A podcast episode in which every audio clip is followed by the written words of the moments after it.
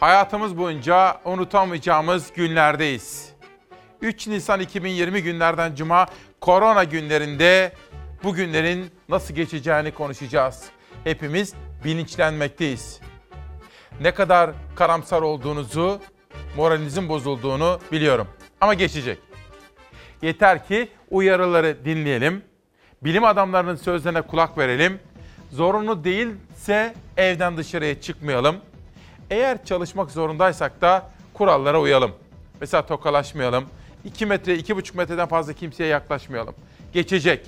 Geçecek olacağını bilelim. Ama şu anda tedbirimizi mutlaka alalım. Bugün İsmail Küçükkaya ile sağlıklı günlere yolculukta siyasi hesap yapmadan dedik. Manşetimiz bu. Yine en doğru, en gerçek, en güvenilir bilgiye ihtiyacınız olduğunu biliyorum. Bu nedenle bütün ekip arkadaşlarım ve danışmanımla birlikte çalıştık. Sizler için haberler, dosyalar hazırladık ve bir de Demokrasi Meydanı'na konuk davet ettik efendim. Bugün 3 Nisan'da yine özel bir yayınla karşınızdayız. Ama 3 Nisan dediysek 3 Nisan'ın bizim için, ülkemiz için, ülkemizin kadınları için ne kadar önemli olduğunu biliyoruz efendim. Bugün 3 Nisan 1930. Nazan Moroğlu hocam da gece bana bir mesaj atmış. Bu konuda gerek kendilerinin gerekse de İstanbul Barosu'nun duygu ve düşüncelerini de anlatmış bana. Nazan Moroğlu hocama, insan hakları aktivistlerine de teşekkür ediyorum. Bugün 3 Nisan. Tam yıl dönümü. 90 yıl. Kadınlara belediye seçimlerinde seçme ve seçilme hakkı verilmesi, bir büyük siyasi deha olan Atatürk'ün kadınlarımıza siyasi haklarını vermesiyle birlikte bugün özel günlerden bir tanesi. Dolayısıyla ülkemizin kurucu önderini sevgi ve saygıyla anacağız bugün de her zaman yaptığımız gibi. Şimdi yönetmenim Serdar'dan gazete manşetlerini huzurlarınıza getirmenizi rica edeceğim. Hürriyet, virüs işte böyle yayıldı manşetiyle çıkmış. Türkiye'de koronaya yakalananların öyküleri tek tek incelendi. Virüsü Türkiye ilk olarak kimlerin nereden getirdiği belli oldu. İstanbul ve İzmir'den Anadolu'ya, Doğu ve Güneydoğu ile Karadeniz bölgesine nasıl sıçradığı anlaşıldı.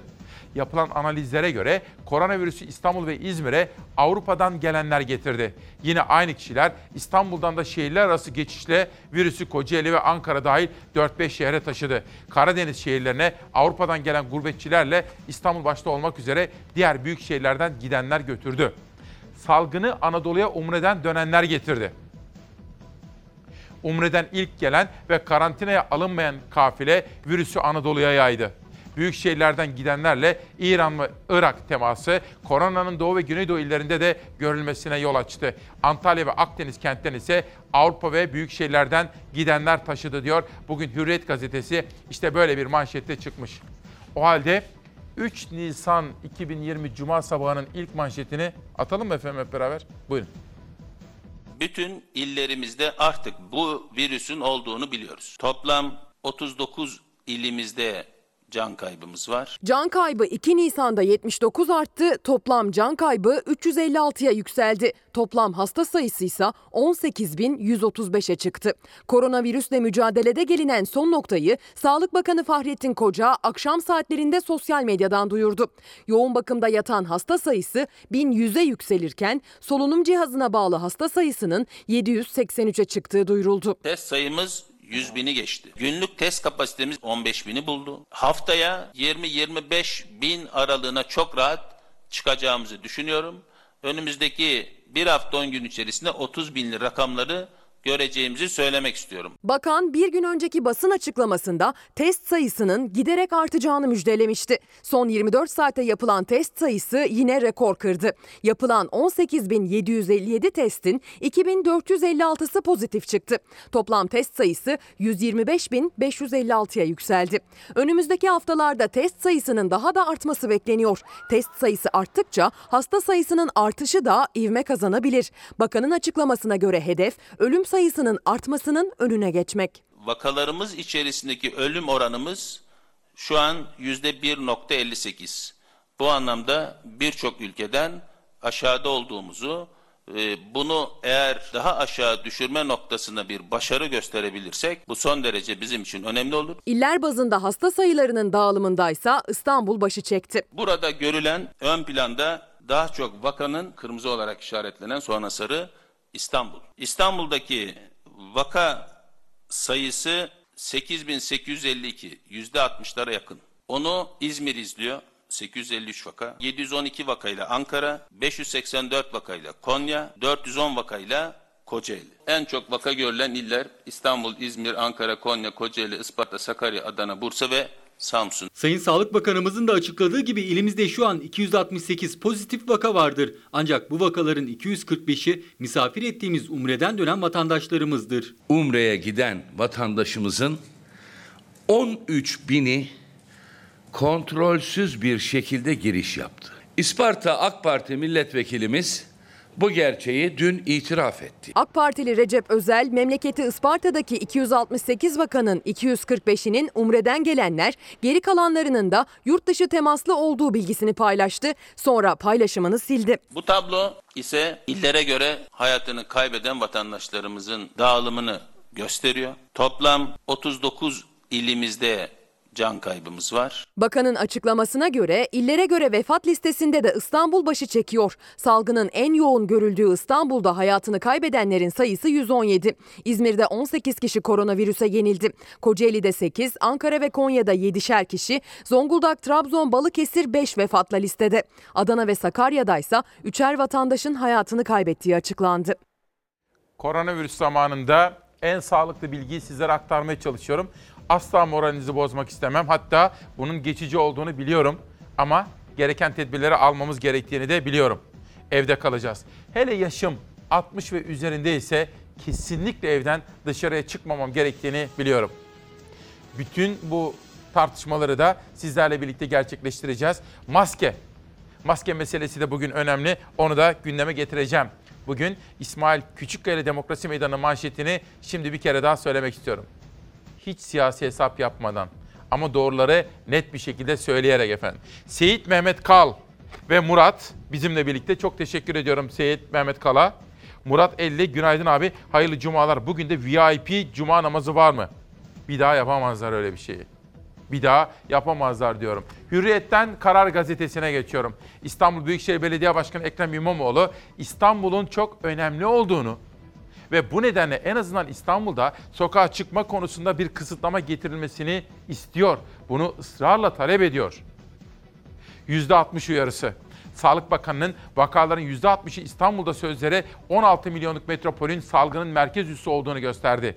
Diğer illerdeki yansımalar da Türkiye'nin bu işi çözmesi için İstanbul'a özel önlem şart yaklaşımının gerekliliğini ortaya koydu. Uzmanlar etkili izolasyonun yayılmanın önlenmesinde belirleyici olacağını vurguladı.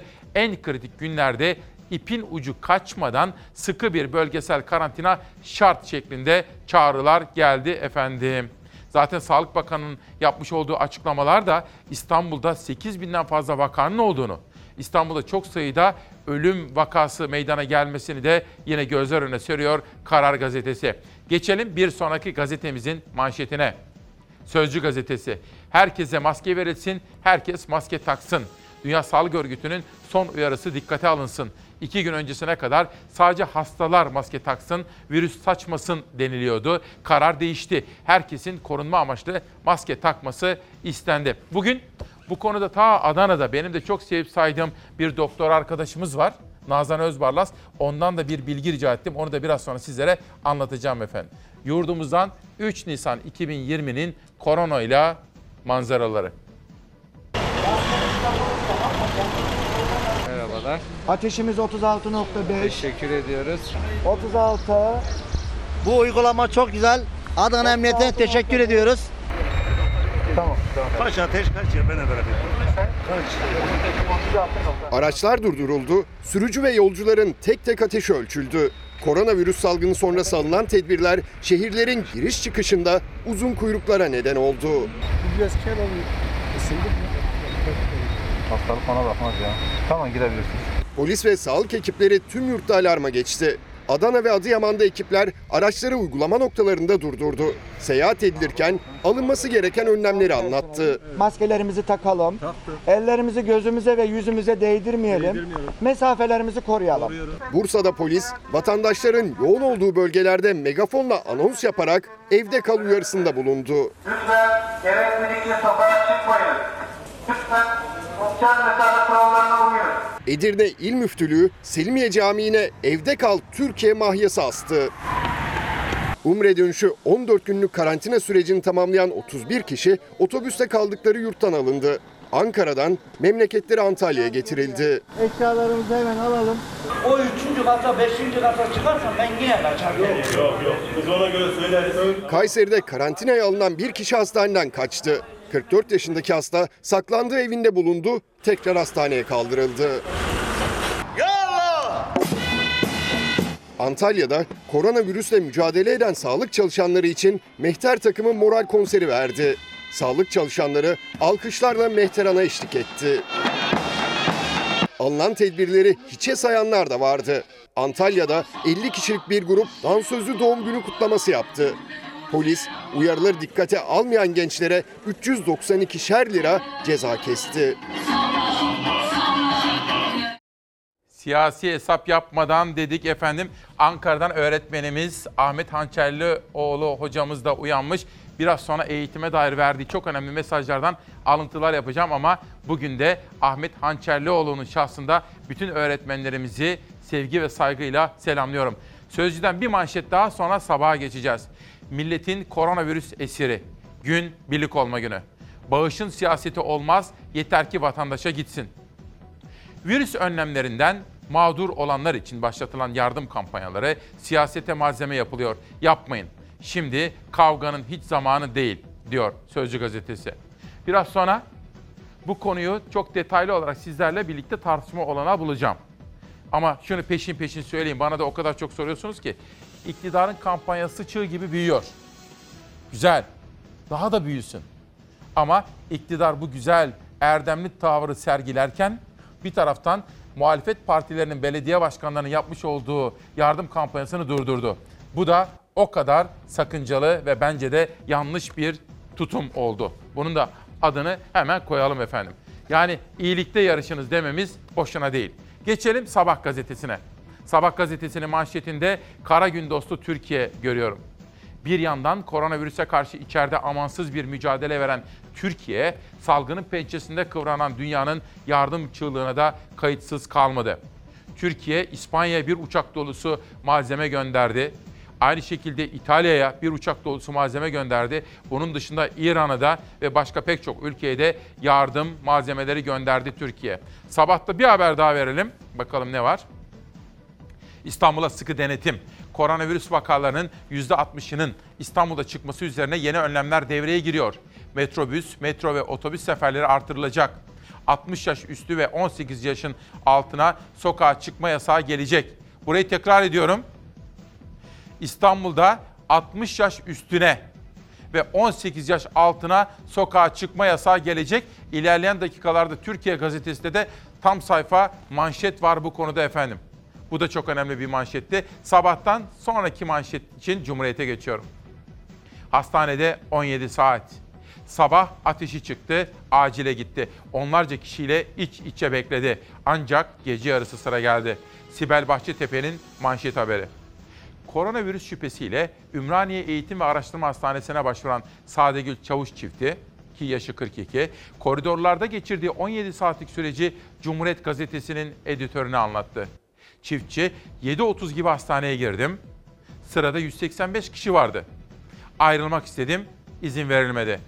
Tek tomografi aleti vardı ve sosyal mesafe yoktu dedi. Saat 00.15 gibi sırasının geldiğini anlatan çiftçi, BT sonucunun ve kan değerlerinin temiz çıktığını söyledi. Sürüntü sonucunun 3-4 günde çıkacağını ifade eden çiftçinin korkusu yeni başlamış. O kadar kalabalıkta korona değilsem bile virüs kapmaktan korkuyorum. Sonuç ne çıkar bilemiyorum diyor. Koronavirüsle ilgili gelişmeleri Türkiye'mizden ve dünyadan da anlatmamız gerekiyor. New York, başta New York olmak üzere Amerika kabus dolu senaryolar yaşıyor. Hadi gelin şimdi hep beraber dünyaya bakalım.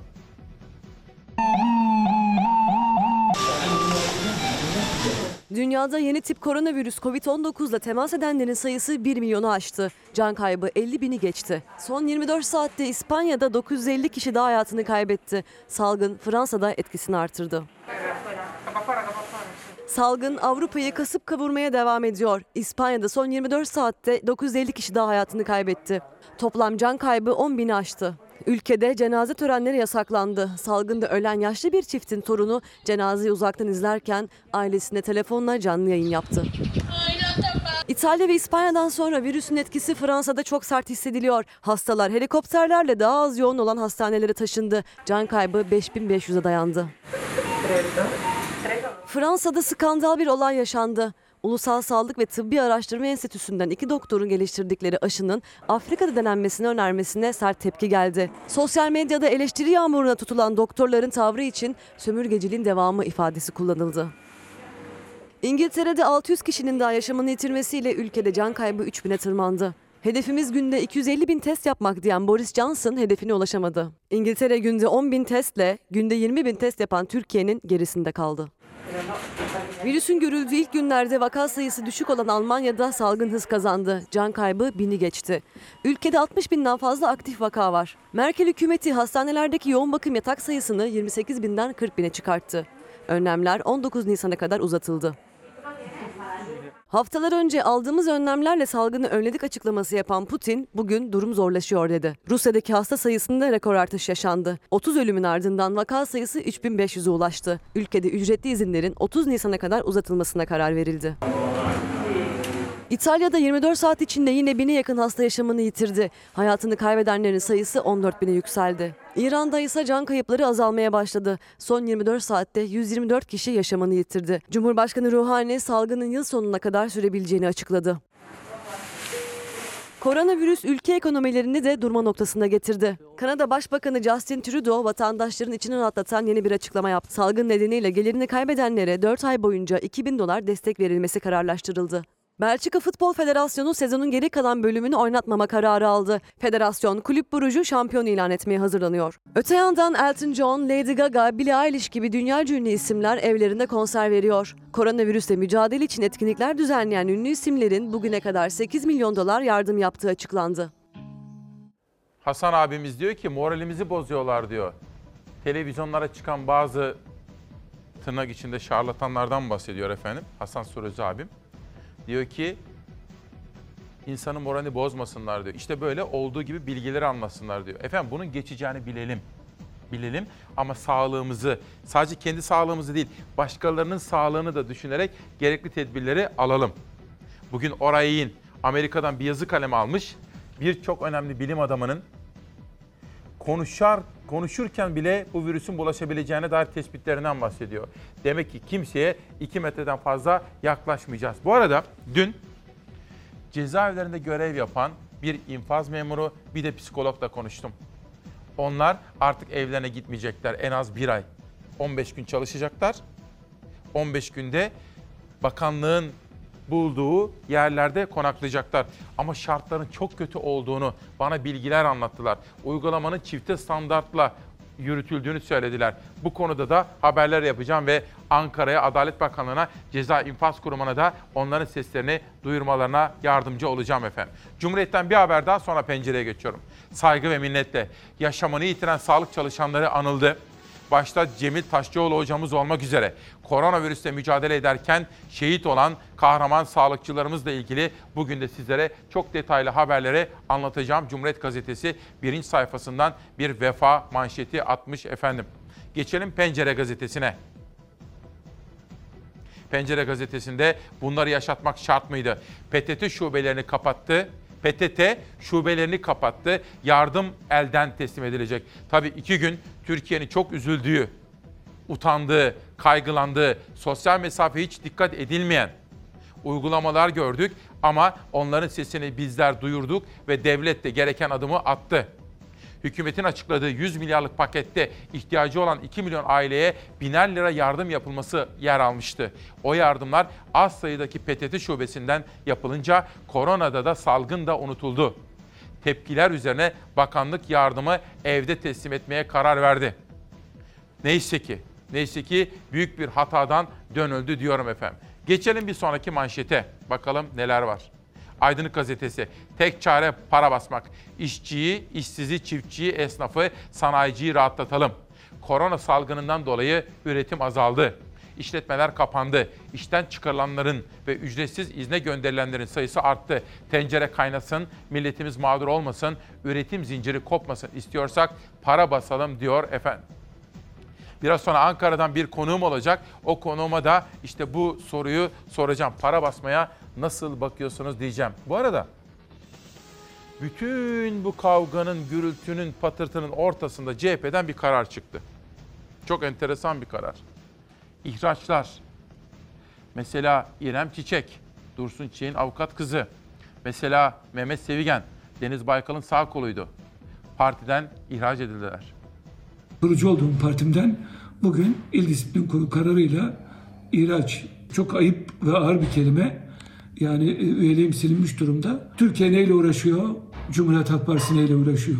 CHP'nin uzun süre en önemli isimlerindendi Mehmet Sevigen. Defalarca milletvekili seçildi, partinin genel sekreter yardımcılığını yaptı. Ancak açıklamaları nedeniyle CHP'den ihraç edildi. Tam da virüs salgını günlerinde. 10 tane genç arkadaş toplanacak bir yerde ve biz mesafeyi koyun diye araya insanlara çağrı yapıyoruz.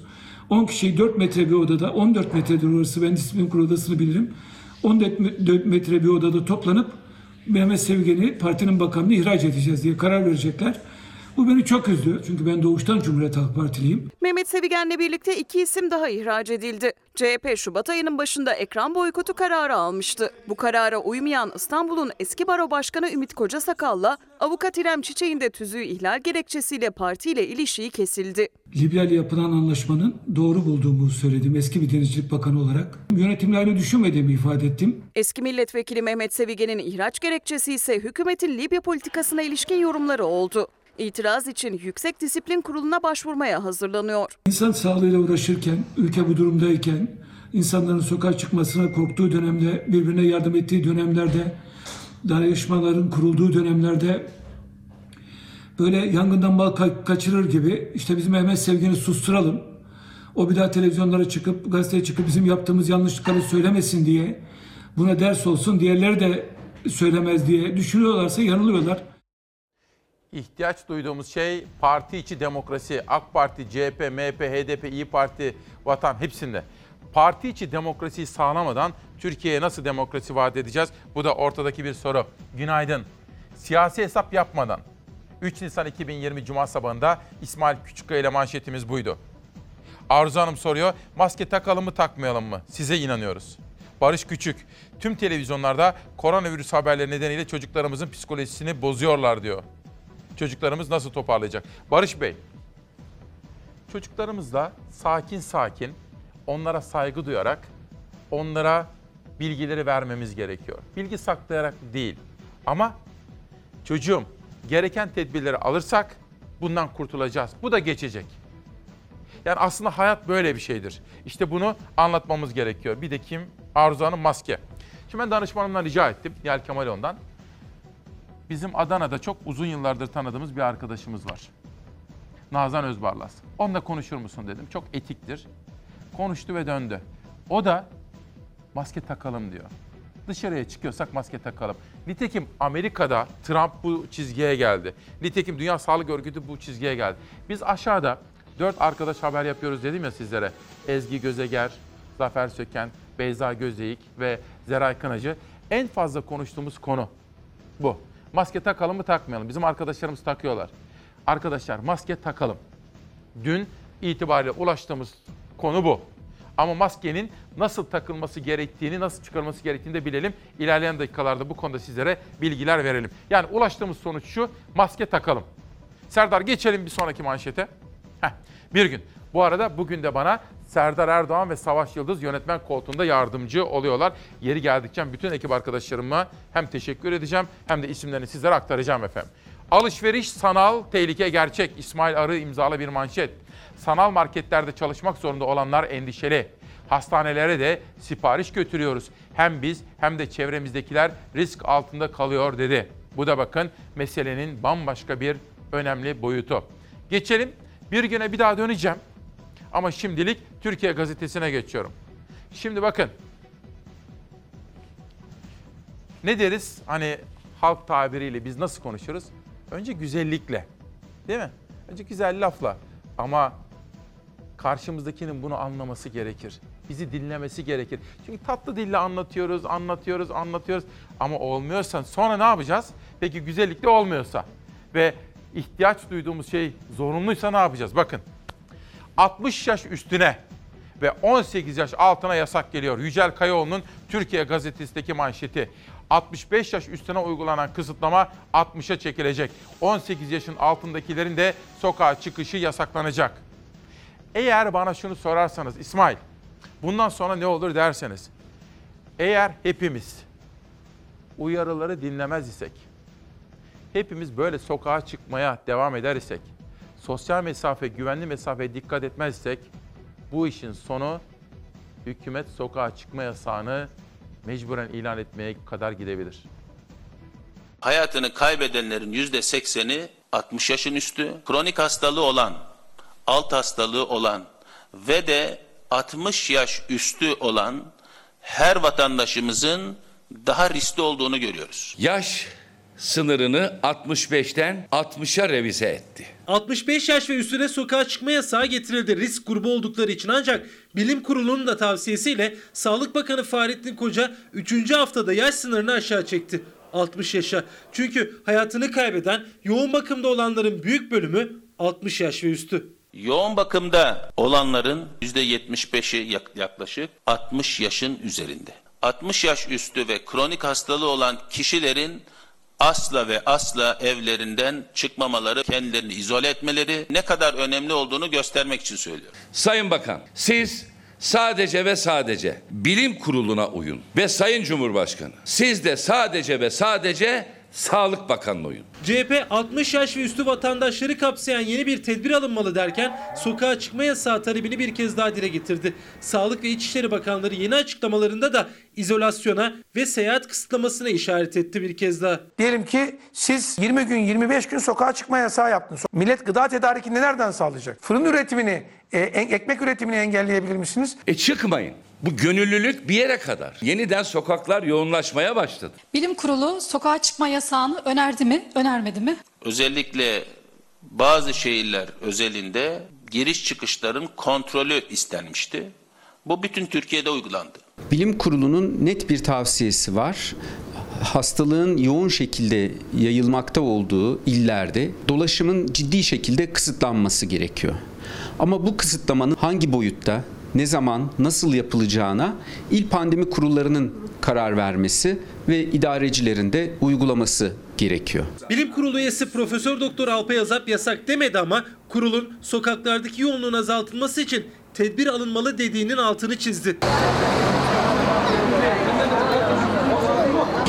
Önce sosyal mesafeye dikkat edilmeyerek yardım ödemelerinin yapıldığı bu postane önünde bugün manzara tam tersiydi. Öncelikle polis bariyerleri kuruldu ve hemen yerde görmüş olduğunuz sosyal mesafenin korunması adına çıkartmalar yapıştırıldı ve vatandaşlar işte bu mesafeyi koruyarak kontrollü bir şekilde içeriye alınıyorlar. Bizim bu dönemde yer değiştirmememiz lazım. Bulunduğumuz yerde durmamız lazım. Önce şehirler arası yolcu taşıyan otobüslere yolcu sınırlaması getirildi. Ardından tüm vatandaşlara seyahat kısıtlaması. Seyahat belgesi olmayan toplu taşımayla şehir dışına çıkamıyor. Ancak İçişleri Bakanı Süleyman Soylu özel araçla da seyahatin yasaklanabileceğini söyledi. Özel araçların il dışına çıkmalarını arzu etmiyoruz. Bunun için de fiili olarak her türlü zorluğu e, oluşturmaya çalışıyoruz.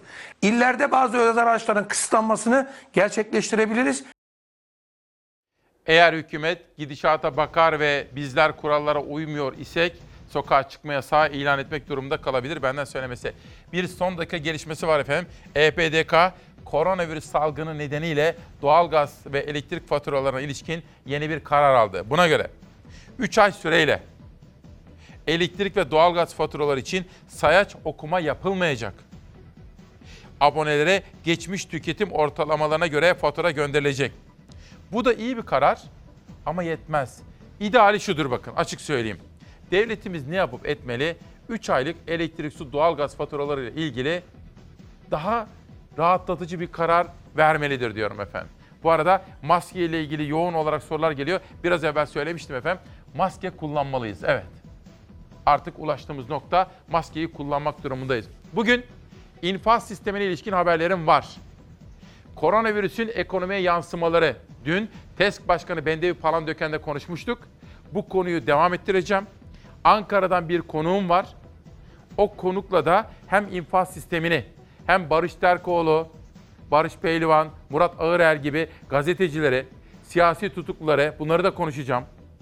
Yani bugün yine özel yayınlardan biri. Siyasi hesap yapmadan diyorum. Ve bugün siyasi hesap yapmadan 3 Nisan bakın. Bir fotoğraf gelecek. 3 Nisan'ın hakkı, adı, ruhu, vefası.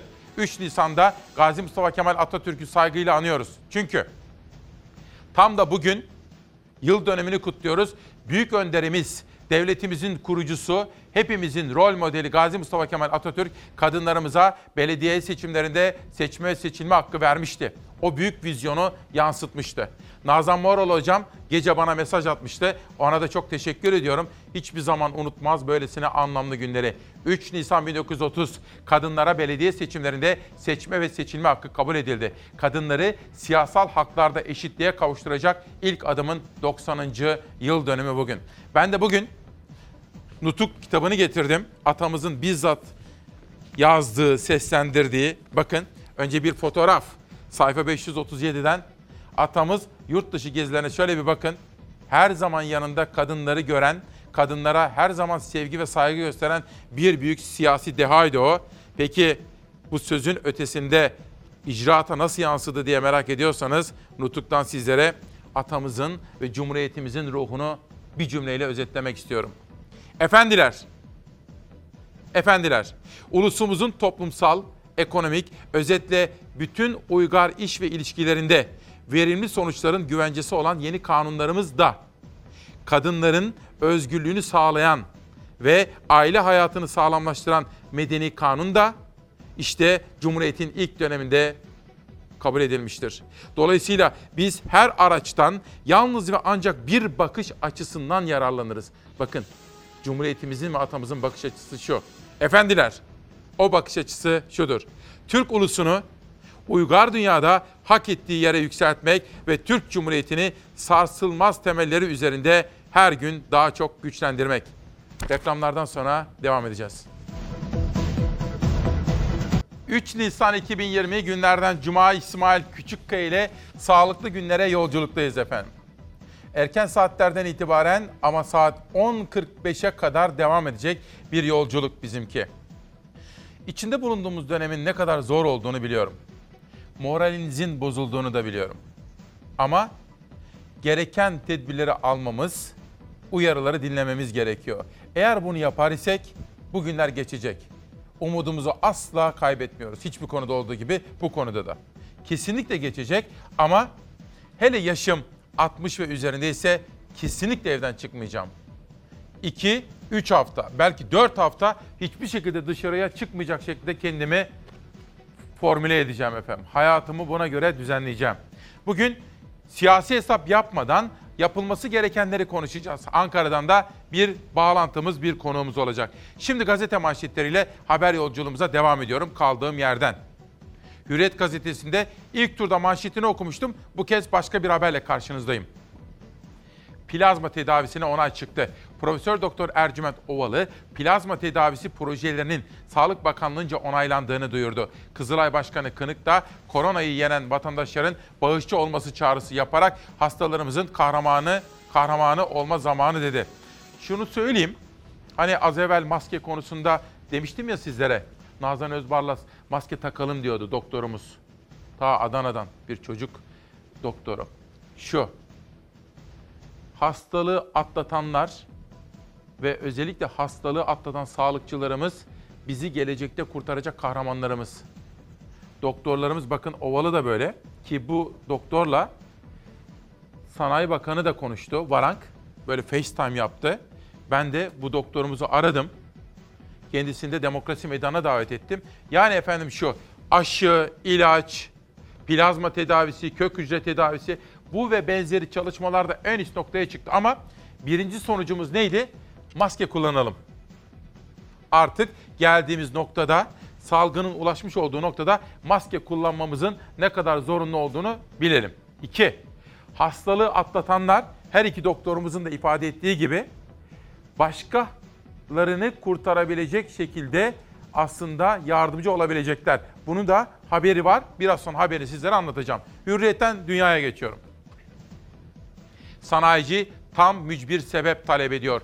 İstanbul Sanayi Odası Başkanı konuşmuş. Salgınla mücadeleye ilişkin ekonomik sektörlerde sektör ayrımı yapmadan, bakın ekonomik teşvik paketleri var ya, hiçbir sektör ayrımı yapmadan fedakarlıkta eşitlik anlayışına uygun değil. Yani şunu söylemeye çalışıyor ez cümle. Dayanışma duygusu içinde olmamız gerekiyor. Birbirimizin halinden anlamamız gerekiyor. Dün Gaziantep'ten Konukoğlu aradı beni, Abdülkadir Konukoğlu. O da biliyorsunuz Rıza Güral gibi, Kütahyalı Güral gibi elini taşın altına koyanlardan, yardımcı olanlardandı. Konukoğlu da dedi ki, patron arkadaşlarımızın da şunu düşünmesi lazım İsmail Bey. Herkes sizi dinliyor. Şöyle anlatın lütfen dedi. Nasıl dedim? Siz patronsunuz. Ya işçi olsanız, 2000 lira, 2500 liraya çalışan bir işçi olsanız, empati kurdurun İsmail Bey dedi. Biz dedi, Konukoğlu, söz veriyorum 11 bin çalışanımızın bir tanesinin bile işine son vermeyeceğiz. Dayanışma zamanı dedi. İşte biz iş dünyasından böyle tavırları görmek istiyoruz efendim. Geçelim dünyadan sonra Evrensel Gazetesi'ne. Çarklar ölümüne dönüyor. İş bırakma haktır. En çok vaka fabrika ve sanayinin yoğun olduğu, zorunlu çalışmanın sürdüğü illerde görüldü. Önceliğimiz üretim anlayışı nedeniyle iş yerlerindeki vakalar her geçen gün artıyor. Duruma isyan eden Sarkusyan işçileri işten kaçınma hakkını kullanarak üretimi durdurdu. Bu da ekonomi dünyasından bir başka koronavirüsle mücadele kapsamındaki gelişmeydi. Şimdi izin verirseniz biraz böyle sağlıkçılar, hakkını her zaman savunduğumuz sağlıkçıların dışında yine her zaman hakkını savunduğumuz öğretmenlerimiz, iş dünyası. Hazır mısınız efendim? Önce sağlıkçılar. Her geçen gün pozitif çıkan vaka sayımızın fazla olduğunu söylemek istiyorum. Bunun sayısını çok içimden gelmiyor vermek. 601 kişi. Sıra sağlık çalışanlarında koronavirüse yakalananların sayısını vermeye geldiğinde Sağlık Bakanı Fahrettin Koca'nın boğazı düğümlendi, gözyaşlarını zor tuttu. 601 sağlıkçının testinin pozitif çıktığını, vakalara yenileri eklenmesin diye her türlü koruyucu malzemeyi sağladıklarını söyledi. Herhangi birileri ben malzemeye ulaşamıyorum diyorsa lütfen bize ulaşsın. Bütün birimleri aşarak bize ulaşsın. Bu anlamda hiçbir eksiklik oluşturmayacağız. Türkiye'nin sağlık altyapısı, personel, ilaç, malzeme ve yoğun bakım imkanları bakımından pek çok ülkeye göre oldukça iyi durumdadır. Cumhurbaşkanı Erdoğan da malzeme açısından diğer ülkelere göre Türkiye'nin önde olduğunu vurguladı. Sağlık Bakanı ise hem bizi arayın çağrısında bulundu hem de ne kadar tıbbi malzeme dağıtıldığını rakamlarla anlattı. Ancak Sağlık ve Sosyal Hizmet Emekçileri Sendikası SES'in 60 ilde 304 hastanede çalışanlarla yaptığı ankete göre eksiklikler hala devam ediyor. Sadece son bir haftada bizim dağıttığımız N95 maske 4 milyona yakın oldu. Çalışana bir tane cerrahi maske, 24 saat içerisinde de bir tane N95 maskesi veriliyor. Bir N95 maskesinin kullanım ömrü maksimum 8 saattir.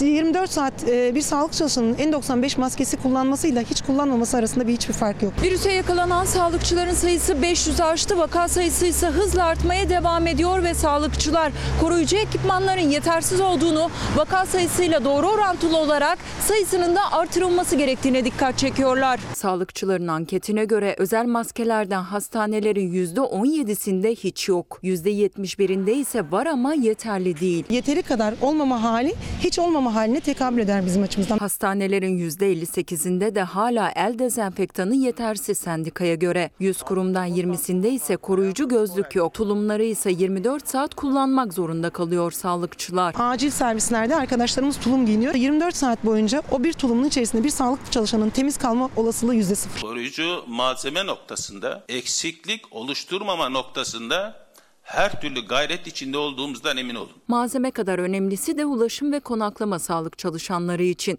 Çoğu evine gitmekten korkuyor. Sağlanan konaklama imkanı ise belediyenin misafirhaneleriyle ve bazı otellerin kapısını açmasıyla sınırlı. Sağlık çalışanları bu toplu taşımaları kullandığı sürece o toplu taşımaları ku- kullanan herkesi hasta etme riskini en büyük taşıyanlardan birisi. Bu maske kullanma konusunu çok çalıştık. Bütün ekip arkadaşlarım ve danışmanımla. Evet maske kullanmalısınız efendim onu söyleyelim. Bakın bugün Ahmet Hakan'ın Hürriyet'teki köşesinde maskenin ilk savunucusu Profesör Doktor Melih Uz. Melih Hoca da en baştan itibaren dışarı çıkarken maske kullanın diyordu efendim. Onu söylerken bir taraftan bakın hani biraz evvel size Rıza Güral, Rıza Baba'dan bahsetmiştim. Abdülkadir Bey'den bahsetmiştim. Her gün işçi çıkarmayacağım diyenlerden bahsediyorum ya. Bakın bir tane de Koruncuk Vakfı. Sevgili İsmail Bey, biz heh, Koruncuk Köy Bolluca'yı Arnavutköy Devlet Hastanesi sağlık çalışanlarının hizmetine açtık. İşte ben sivil toplum olsun, dernek olsun, otel olsun, özel, kamu ne olursa olsun sağlık çalışanlarımıza ne kadar hizmet verebilirsek verelim. Ama bu arada pardon, unutmadan söyleyeyim. Dün bir ceza infaz kurumu görevlisiyle konuştum. Adı bende saklı, defterimde. Bir de bir psikologla konuştum. Adalet Bakanlığı'nın almış olduğu bir karar var. Bilim Kurulu'nun tavsiye kararı. Şu, cezaevlerine virüs bulaştırmayalım diyerek cezaevlerinde görev yapanlar evlerine gitmesinler. Tamam. Ama benim konuştuğum yetkililer bu konudaki uygulamanın çifte standarda yol açtığını, farklı cezaevlerindeki 300'den fazla cezaevi var, farklı uygulamalar olduğunu, keyfiyetin söz konusu olduğunu, gerekli koşulların sağlanmadığını bana örnekleriyle isim isim ve fotoğraflarıyla gönderdiler. Ve bir psikolog nasıl çalışabilir bu koşullarda diyerek o yurtlarla ilgili fotoğraflar da gönderdi. Ben de dedim ki Adalet Bakanlığı bizi izler, Ceza ve İnfaz Kurumu bizi izler. Onlara da buradan bu sesi duyuralım ve takipçi olalım dedim. Efendim bu, bu şekilde de duyurmuş olalım. Evrensel'den pencereye geçiyorum. İnfaz paketi komisyonda. AK Parti Grup Başkan Vekili Cahit Özkan şu anda yapmakta olduğumuz infaz düzenlemesi hem bugüne kadar işlenmiş hüküm, infaz aşamasına geçilmiş ve yargılama aşamasında bütün suçları kapsamaktadır dedi. Meclise gelmesi için hazırlanan düzenlemede kadına şiddet, cinsel istismar, terör, uyuşturucu ve cinayet suçları dışarıda bırakıldı. Şimdi burada Muharrem Sarıkaya'nın yazısında da var. Bugün Abdülkadir Selvi de Hürriyet'te yazmış. CHP lideri Kılıçdaroğlu da bunun kapsamının genişletilmesini, demokrasi ve adalet, eşitlik gibi kavramları da kapsaması gerektiğini söylüyor. Ve farklı partilerle iktidar da dahil görüşmelerde aslında uzlaşmaya varılabileceğini işaretini veriyor Kılıçdaroğlu. Bunu da Kılıçdaroğlu'na soracağım efendim. Bu önemli ama avukat Ece Güner Toprak dün bir konuda dikkatimi çekti.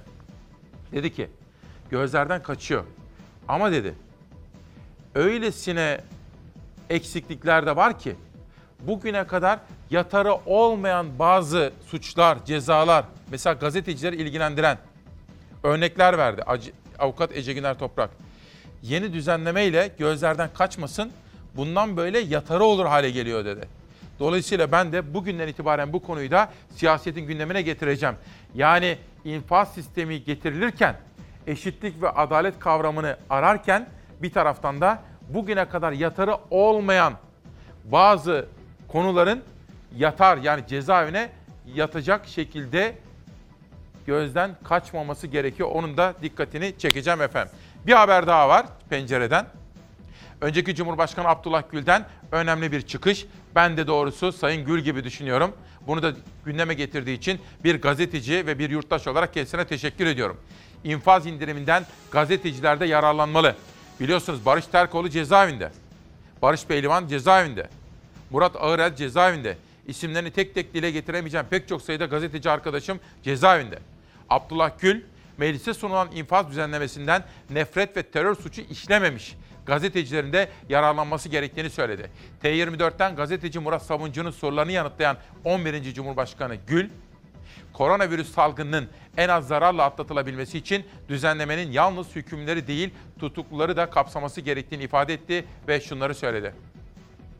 Şu günlerde infaz yasasında yapılması planlanan düzenlemenin nefret, şiddet ve terör içermeyen düşünce suçlarını ve basın çalışanlarını da kapsaması, içinden geçmekte olduğumuz zor zamanlarda toplumun eşitlik ve adalet duygularına hitap edeceği gibi ciddi bir ümit ve rahatlama sağlayacağı, birlik ve bütünlüğümüzü güçlendireceği, ülkemizin uluslararası imajına da olumlu katkılarda bulunacağını düşünüyorum.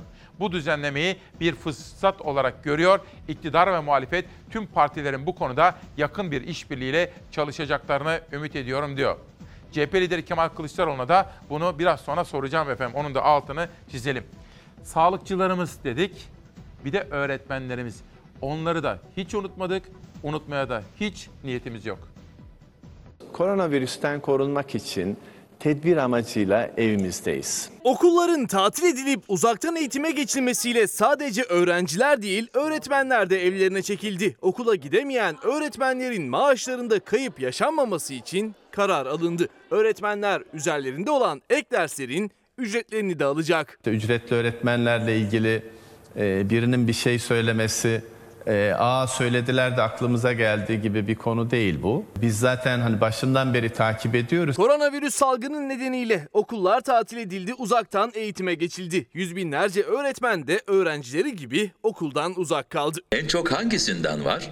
Yıldız mı? Rakam mı yoksa harf mi? Eğitim bilişim ağı ders ortamını evlere taşıyacak. Önce ücretli öğretmenlerin durumu çözüldü. Milli Eğitim Bakanlığı uzaktan eğitim süresi boyunca da ücretli öğretmenlerin ve usta öğreticilerin maaşlarının ödeneceğini duyurdu. Bakan Ziya Selçuk ücretli öğretmenlerden öğrencilerini takip etmelerini, iletişime geçmelerini, ödevlerini kontrol etmelerini istedi. Şunu rahatlıkla söyleyebilirim. Öğrencilerimizin zor durumda kalmaması için ne gerekiyorsa biz bunu yapacağız. Milli Eğitim Bakanlığı'nda öğretmenlerle ilgili yeni bir düzenleme daha yapıldı. Uzaktan eğitim döneminde okula gidemeyen öğretmenlerin maaşlarında ek ders kayıpları olmasın diye harekete geçildi. Merhaba Alpçim. Bak sana yeni oyuncağımı göstereyim. Nasıl beğendin mi? Renkleri çok güzel. Gece saatlerinde yüz binlerce öğretmeni sevindirecek haber geldi. Cumhurbaşkanlığı kararı resmi gazetede yayınlandı. Yayınlanan karara göre öğretmenlerin üzerlerinde olan ek dersler yapılmış sayılacak. O yüzden de ek ders ücretlerinde bir kesinti olmayacak. Öğretmenler ek ders ücretlerini almaya devam edecek. Hani dedim ya size bu zor zamanlarda görürsünüz dostu, dost olmayanı. Düşman demek istemem. Kimse düşman olmasın birbirine de. Ama dayanışma. Birbirimize el uzatacağız. O nedenle bugünkü manşetimiz siyasi hesap yapmadan. Ama bakın. Hani Konukoğlu dedi ya bana sevgili İsmail seni dinlerler. Empati kursunlar. İşsiz kalırsa ne olur insanlar? Bakın. Bunu yapmasınlar. Bunu takip edeceğim. Cumhuriyet'te bir haber gördük. İstanbul'da inşaat işçilerine taahhütname imzalatıldı. Çalışırken koronavirüs kaparsam tüm sorumluluk bana aittir. Bakın buna izin verilemez. Zorla ki bu imzalar da geçerli olamaz efendim. Çünkü baskı altında mahkemeler de bunu kabul etmez. Biz işçiler neden evde kalamıyoruz diye bir fotoğrafın altında Cumhuriyet Gazetesi'nde bu haber. Bakın bunu yapanlarla ilgili isimleri de aldım. Bugün cuma. Nasıl evdeyim? Bir yere de gittiğim yok. Araştırırım. İşçisini kapının önüne koyan fırsatçıyı da çalıştırırken zorla ona koronavirüs kaparsam sorumlusu benim demek zorunda bırakılan işçiyle ilgili o patronları da affetmeyiz. Bakın onu söyleyeyim. Çünkü gerçek milliyetçilik, gerçek insanseverlik, gerçek yurtseverlik işte böyle zamanlarda belli olur. Diyor ve sonraki gazeteye geçiyorum. Yeni Şafak. Albayrak grubunun gazetesinde 7 farklı aşı projesi geliştirdik. Türk bilim adamları koronavirüsle mücadelede 7 ayrı projeyi masaya yatırdı. Sanayi ve Teknoloji Bakanı Varank tüm kaynaklarımızı bu iş için kullanabiliriz. Yeter ki netice alalım, en kısa sürede sonuca ulaşalım dedi. Şimdi bu konuda Selçuk Bayraktar, Ali Koç, Ömer Koç, Arçelik'in mühendisleri, TÜBİTAK'tan gelenler el birliğiyle çok önemli bir çalışmaya imza atmak üzereler. Solunum cihazı salgında en çok ihtiyaç duyulacak yaşamsal önemdeki solunum cihazı. Oradaki havayı kontrol edip ölçme, oradaki basıncı ölçme şansı Bu ay e, 15'ine kadar e, 100 tane üretmeyi planlıyoruz. 15'inden sonra 500 tane, e, Mayıs sonuna kadar da 5000 adet üretmeyi hedefledik. Yerli solunum cihazı için hedef büyük. 2 ayda 5000 adet. Türkiye'nin en iyi 120 mühendisi kendini karantinaya aldı. Canla başla çalışmaya başladılar. Koronavirüs salgınına karşı ventilatör yani solunum cihazı için seri üretime geçildi. Projeyi yapabileceğimizi gördüğümüzde Sağlık Bakanı bizi çağırdı. Yanılmıyorsam 25'i sabahı gece saat 2'ye randevu verdi. 2'den 4.30'a kadar bakanımıza e, e, nasıl projeyi yapacağımızı, nasıl bir maliyetle olacağını ve ne kadar üretebileceğimizin bilgisini verdik. Sağlık Bakanlığı'nın liderliğinde düğmeye basıldı. Sanayi ve Teknoloji Bakanlığı da öncülük etti. Biyosis'in geliştirdiği Aselsan ve Baykar mühendislerinin teknik destek verdiği proje hayata geçti. Arçelik seri üretime başladı. Televizyon üretimi yapılan fabrikadaki sadece bir bant yerini hayati önem taşıyan solunum cihazı üretimine bıraktı. Cihazın çalışır haldeki ilk görüntülerini Baykar'ın teknik müdürü Selçuk Bayraktar sosyal medya hesabından paylaştı. Seri üretimin ilk deneme prototipi. Evet hayırlı olsun. Elinize sağlık arkadaşlar. Ekip inanılmaz motive, inanılmaz çalışıyor. Ama ekibi de korumak zorundayız. Ee, gördüğünüz burada e, çok ciddi e, izolasyon koşulları var. O izolasyon koşullarını sağlamadan kimse içeri girmiyor. E, doktorlarımız her gün e, kontrol ediyorlar. İnşallah bu hedefi başaracağız. Projede çalışan 120 mühendisin 60'ı Arçelik, diğer 60'ı ise Aselsan ve Baykar'da görev yapıyor. Karantina altındaki ekip günlerdir eşlerini, çocuklarını görmeden hatasız üretim için gece gündüz çalışıyor. Arçelik'in televizyon fabrikalarından birinde yerli solunum cihazı da üretiliyor artık. Hedef hastanelerin yoğun bakım ünitelerine gönderilmek üzere Mayıs sonuna kadar 5000 cihaz. Bizlerin hepimizin e, çocuklarımıza, torunlarımıza inşallah bu kötü günleri geçtikten sonra anlatacağımız hayatımızdaki en önemli başarı öyküsü olacak. Tofaş'ta sağlık çalışanlarını korumak için harekete geçti. Numune alma kabini üretildi. COVID-19 test kitleriyle şüpheli bireylerden numune alınması esnasında sağlık personelimizin enfekte olmasını engellemek maksatlı olaraktan geliştirdiğimiz bir kabin. Testleri yapacak olan sağlık personeli şu ön tarafta gördüğünüz kısımdan ellerini sokmak suretiyle ilgili sürüntü testini e, yap, yaparken tamamen e, izolasyonlu bir ortamda bunu gerçekleştiriyor. Bursa'daki fabrikada üretilen ilk kabinler Bursa Şehir Hastanesi'ne teslim edildi. Firma siperli maske seri üretimine de başlayacak. Arkadaşlar hepinizin eline sağlık. Ee, birazdan bunu e, hastaneye teslim etmeye gideceğiz ve hep beraber birbirimizi de alkışlayalım. Şimdi Ankara'daki Top Eti Üniversitesi'nden yoğun mesajlar geliyor. Gerek çalışanlardan gerekse de öğrencilerden. Top Eti hazırlık öğrencilerine adaletsiz şartlı geçiş diyor. Ne olduğunu bilmedim, bilemiyorum daha. Bana yazsın kısaca bir öğrenci kardeşim yazıyor. Hatta pek çok bir kampanya şeklinde bana gönderiyorlar efendim. Vedat abi günaydın. İşverenlerden bahsederken bir de vicdansızları var. Nasıl mı? Bizi ücretsiz izne ayırıp evden çalış diyecek kadar insafsızlar. Kendisi bir araba markası yazıyor. Bana fotoğrafını da yollamış. Kendisi böylesine lüks arabalara biniyor. Bizi fırsat bu fırsat diyerek de ücretsiz izne yolluyor. Ücretsiz yollayamazsınız efendim bakın. Yapmayın bunu. Bir öğret öğretmen kardeşim Konya'dan İmam Hatip'ten yazmış bana. Okul müdürü bir kampanya düzenlettirmiş. Ama demiş ki bunları şimdi un alacaksınız, şeker alacaksınız, ev ev dolaşacaksınız. Diyor ki yardım kampanyasına katıldık. Hayırdır dedik, sevaptır ama böylesine bir zamanda biz ev ev nasıl dolaşacağız ki? Evden çıkmamamız gerekmez mi diyor birincisi. Konya'dan bir İmam Hatip ortaokulunda öğretmenim. Adı ve fotoğrafları bende var ama tabii ki vermem. Bunun dışında öğretmenlere WhatsApp grupları kurun diyorlarmış. Bizim mahrem bilgilerimiz orada olabilir. Bazı kadın öğretmenler WhatsApp gruplarına katılmak istemiyorlar diyor. Bunu da buradan duyurmuş olalım efendim Konya'dan. Konya İl Milli Eğitim Müdürlüğü de bu konuya herhalde eğilecektir diyorum. Yeni Şafak'tan bir güne geçiyorum. Bir gün gazetesinden bir haber. Seyyar hastaneler acil inşa edilmeli. İstanbul'da vaka sayısı 10 bine yaklaştı. Türk Tabipleri Birliği Başkanı Adıyaman çok acil sadece yoğun bakım amaçlı seyyar hastaneler kurulmasını istedi. Bu konuda bir takım girişimler var. Tunceli'de bile vali şu anda hani tedbir amaçlı olarak bir Sahra Hastanesi kuralım mı şeklinde çalışmalar yapıyormuş Tunceli'nin valisi. Onu aktaralım. Bir de dün sizlere söz vermiştim. Hem Antalya'nın şimdiki belediye başkanı Muhittin Böcek'le konuştum.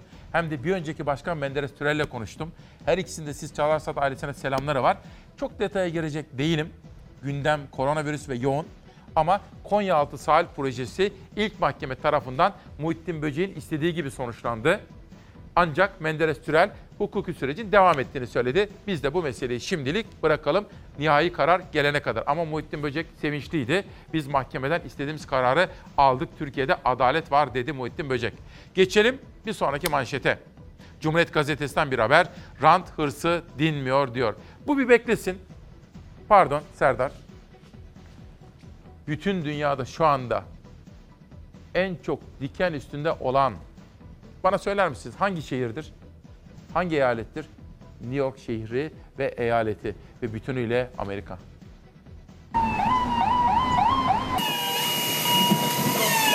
Vaka ve can kayıpları artıyor, tedbirler katılaşıyor. Salgının merkez üssüne dönüşen Amerika'da 24 saatte yaşanan can kayıpları 2000'e tırmandı. Virüsün etkisinin en sert hissedildiği New York'ta tıbbi malzeme yetersizliği ciddi boyutlara ulaştı. Ülkede işsizlik yardımı başvuruları ise rekor kırdı.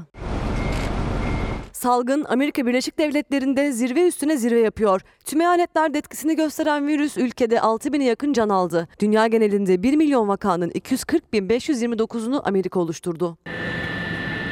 Günde 100 binin üzerinde test yapılan Amerika'da Başkan Trump'a ikinci Covid-19 testi yapıldı. Beyaz Saray'dan yapılan açıklamada Trump ikinci testte de negatif çıktı. Amerika Gıda ve İlaç İdaresi antikor testine de onay verdi. İngiltere Başbakanı Boris Johnson'ın da üzerinde durduğu antikor testleriyle hastalığı geçirmiş kişilerin bağışıklık sistemi hakkında bilgi sahibi olmak mümkün olacak. İki haftadır rekor seviyelere ulaşan işsizlik yardımı başvuruları en yüksek orana ulaştı. 6,5 milyondan fazla işsiz insan başvuruda bulundu. İşsizlik yardımına olan talebin daha fazla artacağı öngörülüyor.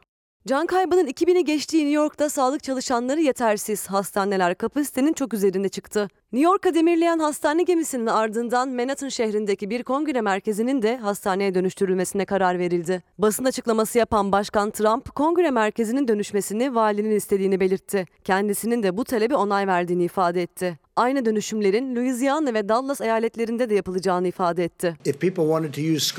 Dünyanın birçok ülkesinde maske konusu büyük bir mesele haline geldi. Çin hükümeti maske takmayı zorunlu kılarken birçok ülkede hasta olmayanların takmasına gerek olmadığı söylendi. Başkan Trump bu tartışmalara farklı bir boyut kazandırarak şal takmak daha koruyucu olabilir dedi. Eğer insanlar maske takmak isterlerse takabilirler. Maske yerine şal da kullanabilirler. Kalın malzemeden yapılmış bir şal daha koruyucu olabilir. Amerika'da hiçbir eyalette sokağa çıkma yasağı uygulanmıyor. Kısmi yasaklar dışında insanlara evde kalma çağrıları yapılıyor. Ticari işletmelerin kapalı olduğu ülkede eyaletten eyalete uçuşların sayısı düşürülse de seyahatler devam ediyor. Şimdi Gülsen Hanım diyor ki moralimizi bozdurmuyorsunuz en çok da bu hoşuma gidiyor diyor. Hayır. Dün Ahmet Hocam aradı Ankara'dan. Yılların öğretmenidir. Eğitimci Ahmet Hançerlioğlu. Çocuklara baskı yapmasınlar diyor. Biraz rahat bıraksınlar. Onların özel hayatları da olsun. Yani kitap okumaya, oyun oynamaya da vakitleri olsun. Zaten zor zamanlar. Ama dedi uzaktan eğitimi onlar bizlerden daha iyi biliyorlar dedi. Ahmet Hançerlioğlu bakın bu ve benzeri uyarılarda bulundu ama notlarımı aldım. Bir gün yeri ve zamanı gelir daha detaylı olarak anlatabilirim sizlere. Dün bir de Antalya'yı aradım. Benim çok yakın arkadaşım Can kardeşim vardır Ali. Ali Özdoğan'ı aradım. İşte o da eşi, annesi, babası, Zeynep amca hepsi bir yerde adeta kendilerini karantina altına almışlardı. Onlarla konuştum. Turizm ne yapacağız? Turizm. Bu konuda bir haberim var. Cumhuriyet'ten bir haber gelsin önce. Türkiye salgın hastalıkla mücadele ediyor ama ranta virüs bulaşmıyor. Rant hırsı dinmiyor. Kamu İhale Kurumu'nun ihalelerin elektronik ortamda yapılması uyarısını dikkate almayan TCD'de hizmet alımı ihalesi açtı. İhale temastan kaçının uyarılarına karşın kurumun binasında yapılacak. Kırklar elinde büyük bölümü CHP'li Kaynarca Belediyesi sınırlarındaki arazilerin sulanacağı baraj AKP'li Pınarhisar Belediyesi'ne devredilmek isteniyor. CHP'li Başkan Türker AKP hala rant peşinde dedi. Hattat Holding'in Maslak'taki Diamond of İstanbul projesi için hazırlanan küçük ölçekli imar planı değişti. Çevre ve Şehircilik Bakanlığı 45 kat için verdiği izni 40 kata düşürdü. Bir de helikopter pisti plana işlendi. Cumhuriyet Gazetesi bugün Hazal Ocak ve Sarp Sakal imzalı Rant Hırsı Dinmiyor isimli manşetiyle işte bunları söylüyor. 3-4 gün önceydi Turizm Bakanı ile konuştum Mehmet Ersoy'la. O tabii alınan tedbirler, alınması gereken tedbirler bu yıl, bundan sonraki yıl tabii ki meselenin ne kadar ciddi olduğunu biliyor. Fakat meselenin Türkiye kaynaklı olmadığını da biliyor Bakan Ersoy. Ve uzun vadeli projeksiyonda Türkiye'nin turizmle ilgili bütün konseptini ve planlamasında değiştirmesi gerektiğinin altını çiziyor Bakan Ersoy. Bizim öngörümüz e, tabii ki bu Mayıs sonuna doğru ertelenecek. Şu anki gidişat onu gösteriyor. Aslında Nisan ayının başında açılıyor turizm sezonu ancak koronavirüs sebebiyle en az 2 ay ertelendiğini söyledi Turizm Bakanı Mehmet Nur Ersoy. Yeni sezonun başlangıç tarihini de verdi. Ramazan bayramı bizim için bir başlangıç olabilir. E, İç turizm hareketleriyle e, Ramazan bayramı ile birlikte turizm hareketleri de Türkiye genelinde başlar diye umuyoruz. Kültür ve Turizm Bakanı Türkiye'nin diğer ülkelere göre az etkilendiğini söyledi ama 2020 için konulan 58 milyon turist hedefi artık uzak. Bakan ek destekleri de açıkladı. Vakıflar Genel Müdürlüğü'nden e, kiralanmış olan konaklama turizm tesislerini de kapsayacak bir çalışma yaptık. Nisan, Mayıs, Haziran'la ilgili kiralarını Temmuz itibariyle sonuna kadar 6 aya eşit şekilde dağıtarak e, faizsiz bir şekilde ötelemesini gerçekleştirdik. Turizm acentalarına da destek yolda. Aidatlar alınmayacak. Bu yıl için e, seyahat acentalarının TÜRSAB'a aidat ödemeleri gerekmiyor. 15 Ekim'e kadar ki yaptıkları, getirdikleri turistler için aldıkları komisyon oranlarını yani %50 oranında arttırdık. Otellerde, acentalarda çalışan ve sezon ertelendiği için ücretsiz izne gönderilen binlerce turizm çalışanı için de turizmcilere çağrı yaptı bakan. Kısa çalışma ödeneğini işaret etti. Lütfen askıdaki personelini hemen geri çağırsınlar, e, işe girişlerini yapsınlar ve kısa çalışma ödeneğinden yararlandırsınlar. Özel tiyatrolara 2019-2020 için garanti ettikleri oyunları gerçekleştirmeseler de ödemelerin yapılacağını ve istihdam ettikleri SGK'lı personel ve sanatçı kadar destek paketi hazırladıklarını da duyurdu bakan. Şimdi tabii biz sosyal medyaya önem veriyoruz ya bakın Ankara'daki Top Etü Üniversitesi'nden yoğun bir kampanya var. Top Etü hazırlık öğrencilerine adaletsiz şartlı geçiş. İsmail Bey özetle şu, şartlı geçiş imkanı verildi ama herkese verilmedi. Biz de verilmesini istiyoruz. Hazırlık öğrencileri. Rektörümüz ve başkanlarımız bize cevap vermiyor. Söylediğiniz için çok teşekkür ederiz diyor. Şimdi efendim şeffaf yönetim gerekiyor. Konuşarak. iyi yönetim. Çünkü zor zamanlardayız. İçe kapanarak değil. Bakın öğrencilerimize konuşsunlar lütfen. Herkes için geçerli bu. Şeffaf böyle ayna gibi olmamız gereken zamanlardayız diyorum ve siyasi hesap yapmadan sosyal medya manşetlerine geçiyorum. Bakalım ne var. AK Parti Isparta Milletvekili Özel 268 vakanın 245'i Umre'den dönenler dedi. Fakat bu o kadar çok konuşuldu, o kadar çok tartışıldı ki işte Ankara'da siyasetin gündemine de geldi. Daha sonra bu paylaşımını silmek durumunda kaldı AK Parti Isparta Milletvekili Özel ama manşeti atmış oldu bir kere. Haluk Ilıcak, emekli büyükelçi doğru bir yorum diyor. Neye diyor bunu? Konda Genel Müdürü Bekir Ağırdır, hükümet olası bütün tehlikeleri ülkenin geleceği üzerinden okumak yerine kendi siyasi iktidarının geleceği üzerinden okuyor diyor. Yani iktidar siyasi hesap yapıyor demeye getiriyor. İsmail Saymaz, CHP, CNN Türkiye çıkan Profesör Doktor Ümit Kocasakal ve avukat İrem Çiçek ile A Haber'e katılan eski milletvekili Mehmet Sevigen'i ihraç etti. Biz de soralım. Nerede kaldı parti içi demokrasi? Bu da önemli bir soru. Hani AK Parti'yi de bunun için eleştiriyoruz. İşte CHP'de aynı yolda mı gidiyor? Biraz sonra Kılıçdaroğlu'na soralım bunu. Çünkü Türkiye'ye demokrasi getirecek olanlar kendi partisine de demokrasiyi getirmelidir. Bunu Kılıçdaroğlu'na soracağım. İstanbul Tabip Odası, Cerrahpaşa Tıp Fakültesi Patoloji Anabilim Dalı'ndan emekli çok kıymetli hocamız Profesör Doktor Feriha Özü Covid-19 nedeniyle kaybettik. Hepimizin başı sağ olsun. Ceyhun İrgil, İstanbul Tıp Fakültesi 3 duayenini koronavirüs nedeniyle kaybetti. Profesör Doktor Cemil Taşçıoğlu, Profesör Doktor Feriha Öz, Profesör Doktor Fevzi Aksoy ve Covid-19 nedeniyle enfeksiyon uzmanı Profesör Doktor Murat Dilmener ve Profesör Doktor Sedat Tellaloğlu halen tedavi görüyor. Şifa diliyoruz. Onlar bizim kahramanlarımız, doktorlarımız. Mansur Yavaş, değerli Ankaralılar, Zor duruma düşen küçük esnafa yardımcı olabilmek için belediyemiz ve bağlı şirketlerinden alacağı olan 570 esnafımıza toplam 900 milyon 9 milyon 204 bin lira ödenmesine karar verdik. Esnafımızın zor günlerde de yanında olmaya devam edeceğiz. Birlikte başaracağız diyor. Bizden de bir alkışı hak ediyor Mansur Yavaş. Esnafı unutmamamız gerekiyor. Unutmamamız gerekiyor. İzzet Çapa, 2 milyon ihtiyaç sahibi aileye 1000 lira tutarında yapılan ödemelerin ikinci gününde de PTT önlerinde yoğunluk oluştu. Demirören Haber Ajansı'nın haberine göre Esenyurt'ta sabah saatlerinde PTT şubesi önüne gelen yurttaşlar sıra beklerken sosyal mesafe kuralına uymadı. Nasıl uysunlar? Ancak neyse ki bu konuda yükselen sesi ve itirazı duydu devlet, hükümet ve bu konuyu kaldırdı. Evlerden ödeme yapılmasına karar verdiler. Kanada Başbakanı Justin Trudeau duyurdu. Gelirini kaybeden vatandaşlara ayda 2000 dolar verilecek. Fransa, Amerika ve Amerika gibi bakın Demokratik Kongo Cumhuriyeti'nde de ve şimdi de Kanada'da sosyal devlet olarak bazı önemli kararlara imza atılıyor.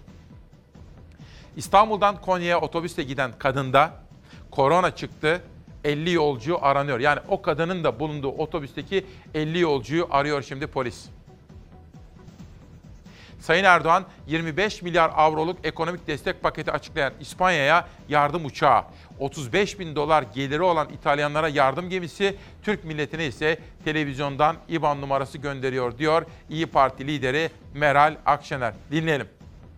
Bu devlet güçlü bir devlet. Demin unuttum söylemeye. İmar affından gelen para var. E, bedelli askerlikten gelen para var. E, yani vergi affından gelen... İşsizlik fonunda Aa, olması gereken para var. Şimdi en az bakın biz İspanya'yla e, şeye Sayın Erdoğan dün İtalya'ya. söyledi. İtalya'ya e, yardım yapıyoruz. Yahu 30 bin dolar gayri safi fert başına e, hasılası olan İspanya 25 milyar e, euroluk bir paket açıkladı. E, kimseye demiyor ki IBAN numarası şudur şuraya para yatırın. İtalya'nın 35 milyar dolar, e, mil- e, 35 bin dolar gayri safi fert başına düşen hasılası e, bizimse bizim ise e, 9300 e, 9 e, 9300 dolar. Şimdi biz buralara gemilerle gönderiyoruz, uçaklarla gönderiyoruz ama vatandaştan IBAN numarası isteniyor. Şimdi bunlar devletin vatandaş nezdindeki algısını zayıflatır. Tabii. Büyük devletimiz. Tabii. Dolayısıyla bizim kaynaklarımız var. Bu kaynakları e, verimli kullanmak durumundasınız. Problemi doğru tespit edip doğru e, çözümler üretmelisiniz. Kaynaklarınızı da verimli kullanmalısınız. Şimdi ne çıktı o şeyden? IBAN numarası çıktı. E, Bir de kredi çıktı. Herkese kredi çıktı. E, O krediyi şimdi ben ilçeleri gezerken o gün siftah yapmamış pek çok dükkanla karşılaştım. En az iki kişi, üç kişi çalışan yerler bunlar. Şimdi bu insanların e, yani kredi veriyorsunuz. Tamam itirazım yok, iyi bir şey. Fakat bunlar nasıl ödeyecek? Lokantalar kapalı, kafeler kapalı, e, kahveler kapalı. Tamam güzel bunlar, ona da itirazım yok. Fakat bu insanlar açıldığı zaman e, nasıl o, çarkı döndürecek? İşte bu soru can alıcı bir soru. O çark nasıl dönecek? Oktay Erdağ. Sevgili İsmail günaydın, iyi yayınlar. Turizm Bakanı izledik. İyi güzel. Asıl havacılığı ne yapacağız? Hava taşımacılığı, Türk turizminin ve ekonomisinin dinamosudur. Şu anda dünyadaki 20 bin yolcu uçağının 18 bini uçmuyor ve yerde yatıyor. Türk uçak filosunun %93'ü yerde yatıyor. 210 bin personel istihdam ediliyor. Yılda 30 milyar dolarlık ciro. Ne yapacağız diye bir soru soruyor. Hükümet bu konuda Türk Hava Yolları'nın ve özel havayolu şirketlerinin yanında olacağını söylemişti biliyorsunuz. Takip edelim. Alanya'dan bir kitap geldi. Yeni Alanya'nın arşivinden Alanya'nın 50 yılı ve Mehmet Ali Dim kardeşim de yazmış bana. Kendisine çok teşekkür ediyorum. Yerel gazeteleri desteklemeyi sürdüreceğiz. Bu arada bir özel mesajım var efendim. Çok sevdiği kıymetli annesi Yıldızfer Kemaloğlu şu anda hastanede yoğun bakımda 3-4 gündür. Ve ben bu vesileyle başta Ali Kemaloğlu olmak üzere Serdar abi, Murat abi, Murat Kemaloğlu, Levent abi, bütün Kemaloğlu ailesine geçmişler olsun diyorum. Tabii zor zamanlarda dün aradım. Ya sorma İsmail dedi Ali abi şimdi o kadar zor zamanlarda ki şimdi tabii iyileşecek. Yoğun bakımda ama yaşı da 90'ın üzerinde. Fakat koronavirüs zamanı ya Gidip ziyaret edemiyorlar kimse. E Levent abi 65 yaşın üzerinde o da gidip sokağa çıkamıyor. Neyse bizler dua edelim. Yıldızfer teyzemiz bir öğretmen, bir doktor. Şifa dileyelim kendisine ve yerel gazetelere geçelim. En önemlisi sağlık efendim. Önce can sağlığı. Ben kendim Çalarsat ailesi ve Fox ailesi olarak her birinize önce sağlık temennisinde bulunuyorum. Yeni asır. Önce İzmir. Giriş çıkışlara virüs kontrolü. İzmir'de de giriş çıkışlar hem bakın ateş ölçülüyor hem de gerekli önlemler alınıyor. Çünkü sosyal izolasyonu, hareketliliği azaltmaya çalışıyoruz. İzmir'den Diyarbakır'a geçiyorum. Vatandaş pazarlarda yeterli tedbir alınmıyor. Diyarbakır'daki tedbirlerin yetersiz olduğunu söylüyor. Yılmaz Yiğitler'in yapmış olduğu haberde Tigris. Sür manşete çıktığım zaman evde kal Diyarbakır diyor. Evde kalmamız gerekiyor. Hem Türkçe hem de Kürtçe olarak yazdıkları bu anonslarla vatandaşımızı, kardeşlerimizi evde kalın diye uyarıyorlar. Geçelim Çanakkale'ye. Virüs önce iş kuyruğu, virüsten önce iş kuyruğu, virüsten sonra aşk kuyruğu. İşte memleketin hali pür melale yani manzarayı umumiyesi yani genel görünümü. Tunceli Emek. Tunceli'de ek koronavirüs önlemleri ilçelerle ulaşıma kısıtlama getirildi. Tunceli valisi bakın maske üretimi konusunda seferberlik yaptı. Bu da önemli çalışmalardan biriydi. Tunceli Emek'ten Kütahya'ya geçiyorum. Kütahya Ekspres gazetesi iş adamı Rıza Güral'dan 5000 aileye 1 milyon liralık yardım. Valiye gitmiş, yani valiye yollamış 250 liralık 5000 adet çeki. Valiye demiş ki siz Kütahya'nın insanlarına bunları tanıtın demiş. Ve bu arada Esin Güral Argat da elbette üretime devam. Dün bana da ulaştı. Tek bir işçiyi çıkarmayacağız ama bununla da yetinmeyip tam tersine yatırımları artırma konusunda kararlılık sergileyeceğiz dedi Kütahyalı iş insanı Esin Güral Argat. Geçelim Ordu'ya. Ordu olay. Covid-19'dan kaçan yaylaya çıkıyor. Kabadüz Belediye Başkanı Yener Kaya şu anda yaylalara çıkmak için ilçemize ciddi şekilde giriş var. Bu nedenle tedbirlerimizi üst düzeye çıkardık dedi. E tabi her yerde Karadeniz'deki yaylalar gibi olsa da çıksak kendimizi karantina altına alsak ordunun yaylalarında. Van Sesi. Dün sizlere söylemiştim, duyurmuştuk ve Vanlı kardeşlerimizi kutlamıştık.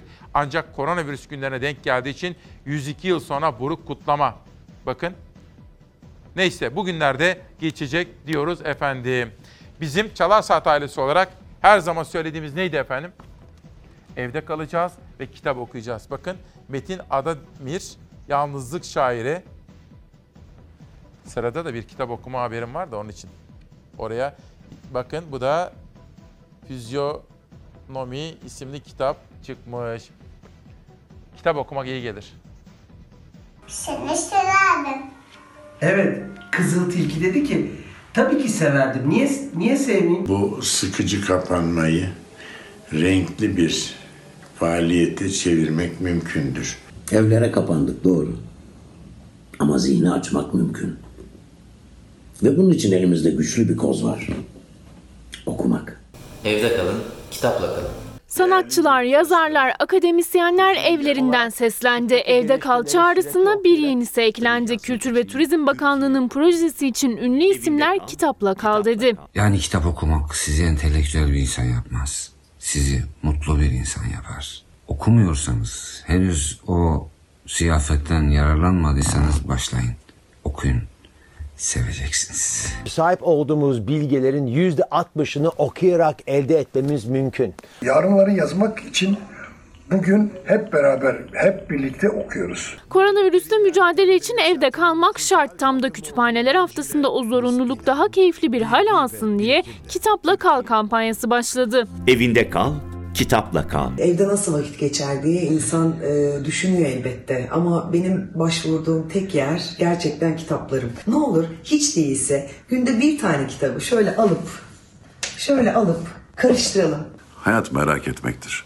Merakı gidermenin en iyi yolu ise tabii ki kitaplardır. İnsanların en büyük hastalığı bence unutkanlıktır.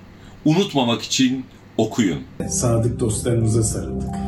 Kitap kitaplarımıza. Sanatçılar, doktorlar, yazarlar Kültür ve Turizm Bakanlığı'nın Kitapla Kal kampanyası için evlerinde çektikleri videoları sosyal medyadan paylaştı.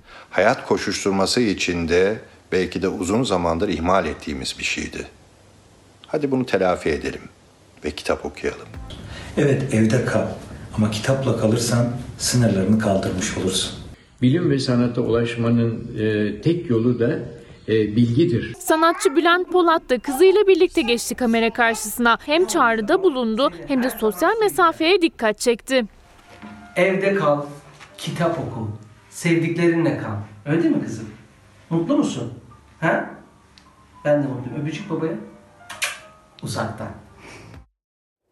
Hayır, öpücüğü de uzaktan veriyor artık.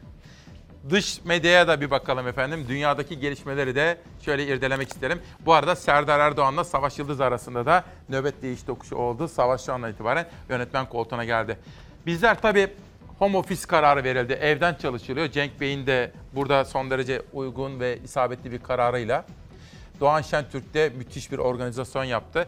Bizler az sayıda çalışanız ama bizlerin sağlığı için her türlü imkan düşünüldü, her türlü tedbir alındı. Dolayısıyla yönetim kurulumuza, Doğan Şentürk'e, genel müdürümüze çok teşekkür ediyoruz. Bunu neden söyledim? Şimdi mesajlar geliyor, bana teşekkür ediyorsunuz. Bana teşekkür etmeyiniz efendim. Ben ve ekip arkadaşlarım görevimizi yerine getiriyoruz. Ben onların sadece görünen yüzüyüm. Biz burada sayımız az olsa da fedakarca çalışan bir aslında kalben kocaman bir aileyiz efendim. İşte dünyadaki manşetler Financial Times gazetesi. Amerika'da koronavirüs nedeniyle 10 milyona yakın insanın işini kaybedeceğine dair senaryolar. Aynı şekilde Avrupa'da da tarihi işsizlik rakamları. Bu haber analizden okuyoruz ve öğreniyoruz ki İspanya bütün tarihinde hiç görmediği kadar bir tek aylık işsizlik rakamıyla karşı karşıya. Financial Times'tan Almanya'ya geçiyorum. Der Tagesspiegel gazetesi ve şöyle fotoğrafa bir bakınız lütfen. Hristiyan dünyası için Paskalya yaklaşmakta ve Paskalya evde geçirilecek. Haberin sayfanın tam ortasına şöyle bir baktığınız zaman parklar herkese açık ama sosyal mesafeye dikkat edeceksiniz. Sosyal mesafe kurallarına uyarsanız 500 euroya kadar ceza söz konusu. Haberde Almanya'nın bütününe ve Berlin'e ilişkin de rakamlar yer almakta. Almanya'dan İspanya'ya geçiyorum. İspanya'da tabii işsizlik hat safhaya doğru çıkmış durumda. Bu koronavirüsün bundan sonraki seyrinde alarm durumu var. 14 günde 900 bin kişi işini kaybetmiş İspanya'da. İşte gelinen nokta bu. İspanya'dan Fransa'ya geçiyorum. El Mundo gazetesinden Le Monde gazetesine geçtiğim zaman manşette sağlıkçıların günlük yaşamı. Bir taraftan ağır bir tempo, bir taraftan korku, bir taraftan yorgunluk ama bir taraftan fedakarlık. Sayfanın ortasına geldiğim zaman Fransa'da askerlerin de devreye girmek durumunda kaldığını belirtiyor. Adeta bir sıkı yönetim dönemi gibi. Oradan Independent'a geçiyorum. Boris Johnson ateş hattında. Çünkü kendisinin günde 250 bin test yapılacağına ilişkin vermiş olduğu söz 19 Mart'ta. Ama bu testten sınıfta kaldı denilmekte. Sağlık Bakanı da şimdi diyor ki zaten günde 100 bin testi amaçlıyoruz diyor efendim. Bu meseleyi ciddiye almayan, koronavirüsün ne kadar vahim olduğunu bilmeyen, görmeyen çok ağır bedel ödeyecek. Çin, virüsün ikinci dalgasına karşı tetikte. Yurt dışından dönenlerin virüsü tekrar canlandırma ihtimaliyle tedbirler yeniden sıkılaştı. Virüsün en çok görüldüğü Hubei kentiyle yan yana olan Henan kentinde semptom göstermeyen koronavirüs hastaları da ikinci dalga riskine karşı endişeleri artırdı. Virüsün başlangıç noktası Çin Wuhan'da hayat normale dönüyordu ki karantina tekrar gündeme geldi. Toplu taşımaların kısıtlı olarak yeniden hizmete açıldığı Wuhan'da ticari işletmeler de açıldı. Ancak yurt dışından dönenlerin oranı yükseldikçe endişeler arttı. Çin yönetimi insanlara evlerinizde kalın ve tetikte olun çağrısı yaptı. Yurt dışından dönenler karantina altına alınırken semptom göstermeyen ama Covid-19 testi pozitif çıkan gizli taşıyıcılar korkutuyor. Aynı şekilde Çin'in Henan kentinde semptom göstermeyen taşıyıcıların tespit edilmesiyle kente bağlı Jia ilçesi karantina altına alındı. Yarım milyon nüfusa sahip ilçeye giriş çıkışlar yasaklandı. Çin yönetiminden yapılan açıklamada gizli taşıyıcıların iki hafta boyunca gözetim altında tutulacağı bildirildi. Çin hükümeti dışarı maskesiz çıkılmaması konusunda net açıklamalarda bulundu. Ülkede hastalık belirtisi olan da olmayan da maskesiz dışarı çıkmıyor. İşte hem Türkiye'den hem dünyadan sizlere haberler aktarmaya çalışıyorum. Sabır mı edeyim şükür mü? Abdülaziz Karaköse yeni çıkan kitabıyla Çalar Saat'te. Biz bugün Çalar Saat'e doktorlarımız için, hemşirelerimiz için, hasta bakıcılarımız, idari sağlık çalışanları için ve koronavirüse mücadele edenlerimiz için, kahramanlarımız, yitirdiklerimiz için bir manşet attık efendim. Çalar Saat gazetesi 3 Nisan 2020. Gazeteyi biz bugün böyle hazırladık. Dilek zehir çizdi. Güzel de çizdi. Kendisinin eline sağlık diyorum. Kahramanlarımız bakın yitirdiğimiz doktorlarımız ve bütün Türkiye'de bütün sağlık çalışanları dün yitirdiğimiz doktorlarımıza saygı duruşunda bulundular. Onların bu fedakarlıklarını unutmadık, unutmayacağız. Bir de iki gündür çok üzüldüğümüz hatta utandığımız görüntüler vardı. Neyse ki yükselen bu sese ve itiraza kulak verdiler de bu yanlıştan döndüler. Arkadaşlar kaldırımı boşaltın. Aksi takdirde para dağıtımı yapılmayacak. Kaldırımı boşaltın. PTT'den şu anda herhangi bir ödeme işlemi yapılmıyor.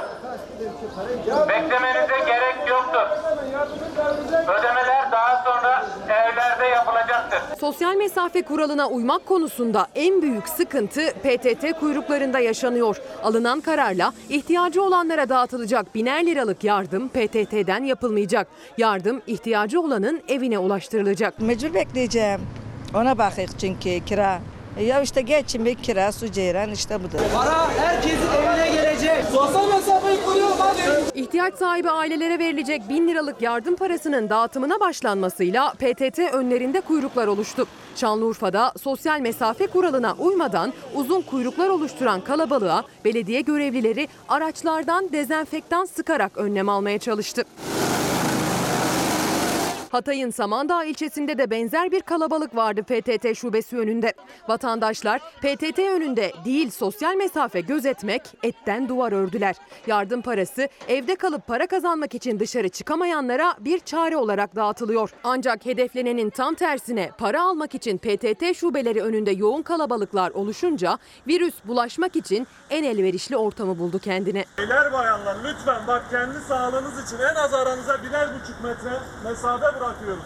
Yardım parasını alacak vatandaşlarımız boşuna beklemesin burada. Paralarınız eve gelecek. Yardım yapmışlar 1 milyar. Ben de onu alıp kiramı ödeyeceğim. Doğalgazımı, suyumu. Yani evde çocuğumu bıraktım geldi. Yurttan gelen PTT önündeki kalabalık manzaraların sayısı artınca düğmeye basıldı.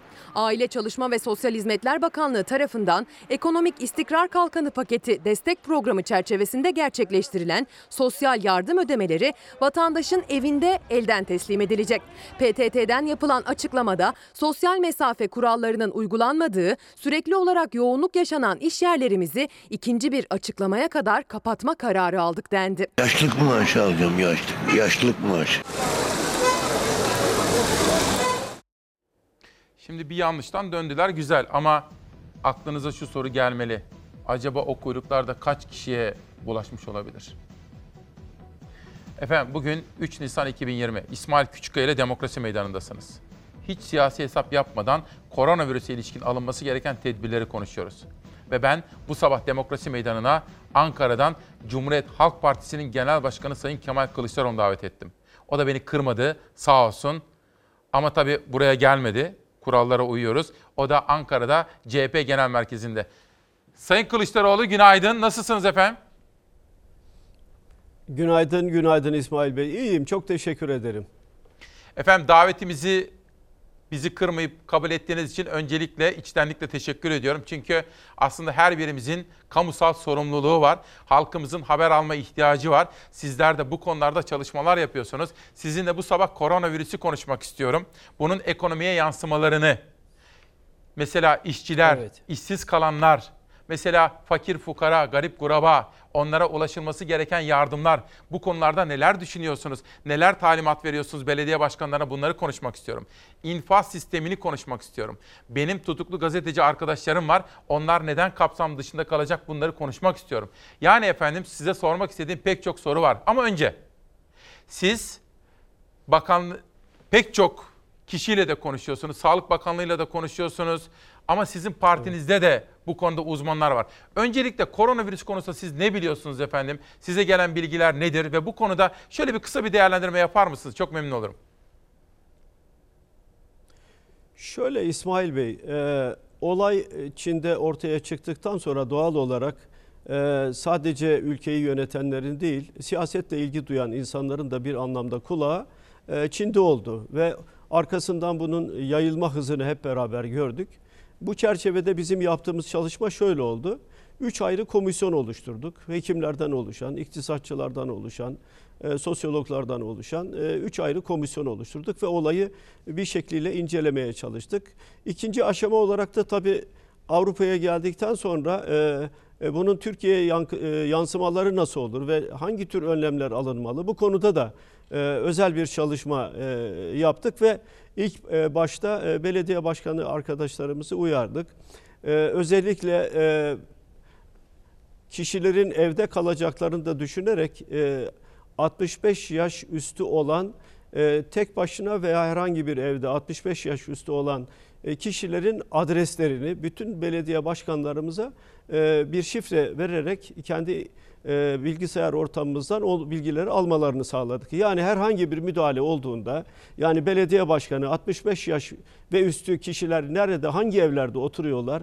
Yalnız mı oturuyor? iki kişi mi var 65 yaşın üstünde veya bir aile mi var? O bütün o adresler bir şekliyle verildi bütün belediye başkanlarımıza ve bu konuda hazırlıklı olmalarını e, istedik. Bu arada oturduk tabii ne yap ne yapabiliriz? Yani bu virüsün etkileri nedir? Dünyada hangi önlemler alınıyor diye. O komisyon çerçevesinde e, şöyle bir şey düşündük.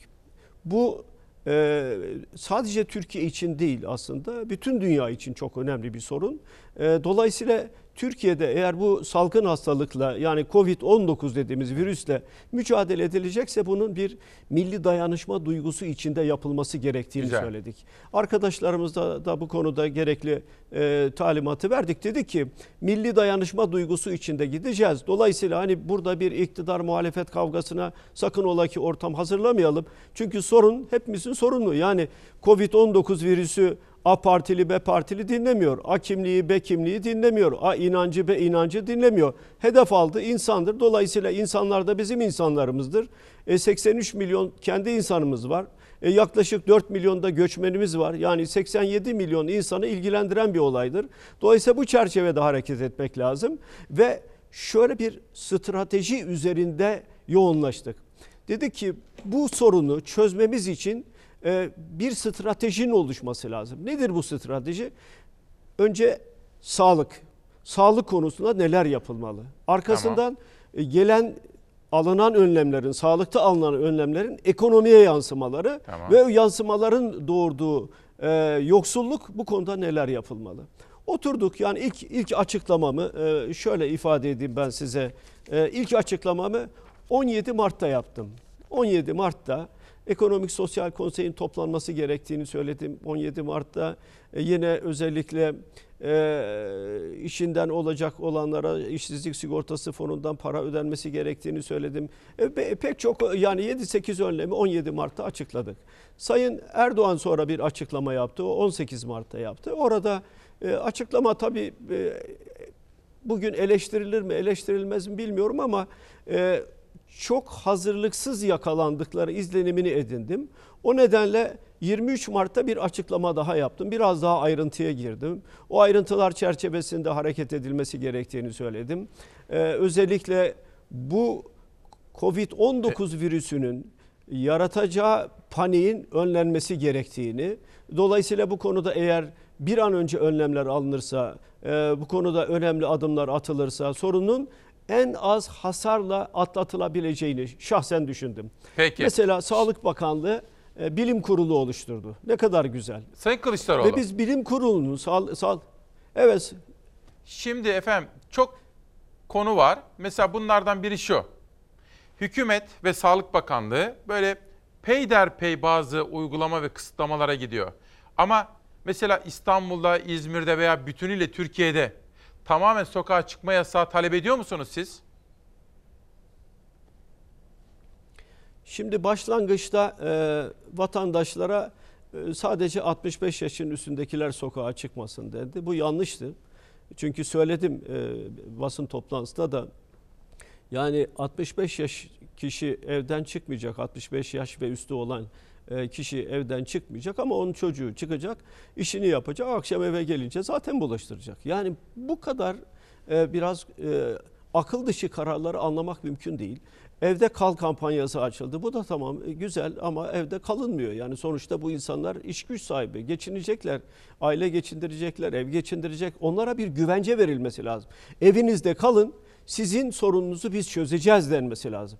Evinizde kalın, sizin ekmeğinizi getireceğiz. Evinizde kalın, e, aylığınızı asgari ücret üzerinden işsizlik sigortası fonundan ödeyeceğiz. Evinizde kalın, şunu şunu şunu yapacağız diye. Bunlar yapılmadı. İşte malum e, so- sosyal medyada da e, saygın gazeteciler de eleştirdiler. Yani açıklanan kararlardan birisi işte uçağa binerseniz efendim bilette 18 olan KDV e, 1'e inecek. Ne ilgisi var yani? Hem evde kal diyorsun hem uçağa e, bin diyorsun. Buna benzer şeyler vardı. e, olumsuz şeyler vardı. İsmail Bey şimdi Evet. stratejinin üç ayaklı olması lazımdı. Biz bunu baştan beri söyledik. Birincisi şu, sağlık konusunda bilim kurulu hangi kararı veriyorsa o karara uyacaksınız. Çünkü bilim kurulu bu işin kalbi, bu işin merkezi. Orada sağlıkçılar var, doktorlar var, yıllarını bu işe vermiş insanlar var. Yani liyakat sahibi olan insanlar var.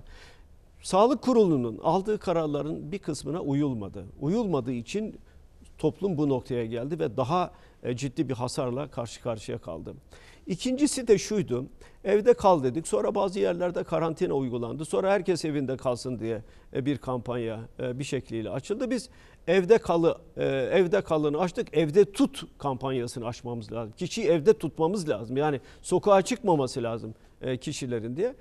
Şimdi bu kampanyanın getirdiği bir şey oldu. işsizlik. Şimdi işsiz kişinin işi var. Kahvehaneyi kapattınız, pastaneyi kapattınız, kuaför salonunu kapattınız ve e, çok sayıda kişi işsiz kaldı. Bakın ben size bir örnek vereceğim. Lütfen. E, İsmail Bey. Evet. Sadece sadece bakın kapatılan iş yeri Cumhurbaşkanlığı kararı veya bakanların aldığı kararla kapatılan iş yeri sayısı 144.690. Bakın bunlardan bazılarını veriyorum. Ne size. zaman efendim bu? Ne Berber, zaman? Kuaför. Bu ev evde kalın. Yani sokağa çıkmayın e, uygulaması getirildikten sonra, Peki. yasağa getirildikten sonra, otobüslere az binin dendikten sonra bu iş yerlerin de Cumhurbaşkanı kararıyla kapatıldı. Yani Tamam. bu iş yerler kapanacak dedi. Herkes evine çekilsin. 144.690 iş yeri kapandı. Bakın şimdi berber, kuaför, güzellik salonu. Bu dükkan kapandığı için 504 bin kişi işsiz kaldı. 504 bin kişi evinde. Herhangi bir geliri yok. Motorlu kurye çalışanları var. Hepimiz biliyoruz Evet. özellikle büyük kentlerde. Bunların sayıları 982 bin kişi. Ama bunların 500 bini işsiz, diğerleri şu anda hala çalışıyorlar, servis yapıyorlar, gidiyor. AVM'lerdeki işsiz sayısı 523 bin kişi. Kahvehaneler kapandı Türkiye genelinde. 259 bin kişi işsiz kaldı. Bunlar gündelikli çalışanlardır. Gündelik o gün kahveden elde edilen gelir veriliyor. Kahvenin sahibi tarafından veriliyor. Akşam eve giderken ekmeğini, yiyeceğini falan götürüyor. Kantinler, okul kantinler, okullar kapandı, kantinler kapandı. Yurtlarda, üniversitelerde, okullarda 150 bin kişi işsiz kaldı. Lokanta, restoran, kafe bunlar da kapandı. 1 milyon 900 bin kişi evine çekildi ve bunlar da işsiz. Okul servis araçları, okullar kapandığı için servis araçları da Ne öneriyorsunuz e, Sayın çalışmıyor. Kılıçdaroğlu? 360 bin. Efendim? Ne öneriyorsunuz efendim? Bunlar için ne öneriyorsunuz? Şimdi bunlar için şu, şunu söyledik biz en baştan. Dedik ki bunları eve gidiyorlar doğru. Onlara şu güvence verilmeli. Sizin en azından 3 ay 3 ay ya da bu iş e, sona erdikten sonra da tekrar işbaşı yapacaksınız. Dükkanlarınızı açacaksınız. Burada çalışan işçilerin aylığını asgari ücret üzerinden ben ödeyeceğim. Nereden? İşsizlik e, fonu kaynağından. İşsizlik sigortası fonu. İşsizlik sigortası fonunda 131 milyar lira para var. 131 milyar lira. Şimdi baktığınız zaman gündelikçi ev kadınları var mesela. Bunların sayısı 1 milyon. Ya bunlar evini geçindiriyor temizlik yaparak şurada burada vesaire. Şimdi bunlarla ilgili önlem alın dedik. Bakın bunlarla ilgili hiçbir önlem yok. Alınan önlemler nedir İsmail Bey? Onu Nedir? da söyleyeyim kısaca. Evet. Dediler ki sosyal açıdan şimdi ben hep insana dokunuyorum. Çünkü sonuçta bütün mücadelemiz sağlıkta, işsizlikte, yoksullukta, ihtiyaç sahipleri olanlara yardımda hepsinin kaynağı insandır. İnsanımızı korumak zorundayız. Sosyal devlet bunun için vardır zaten. Sosyal devlet beni bugün korumayacaksa hangi gün koruyacak? Dolayısıyla biz kendilerine söyledik. Bunu yapın diye, şunu yapın diye. Her birisini tek tek öneri olarak da verdik. İşsizlik sigortası fonunda para var.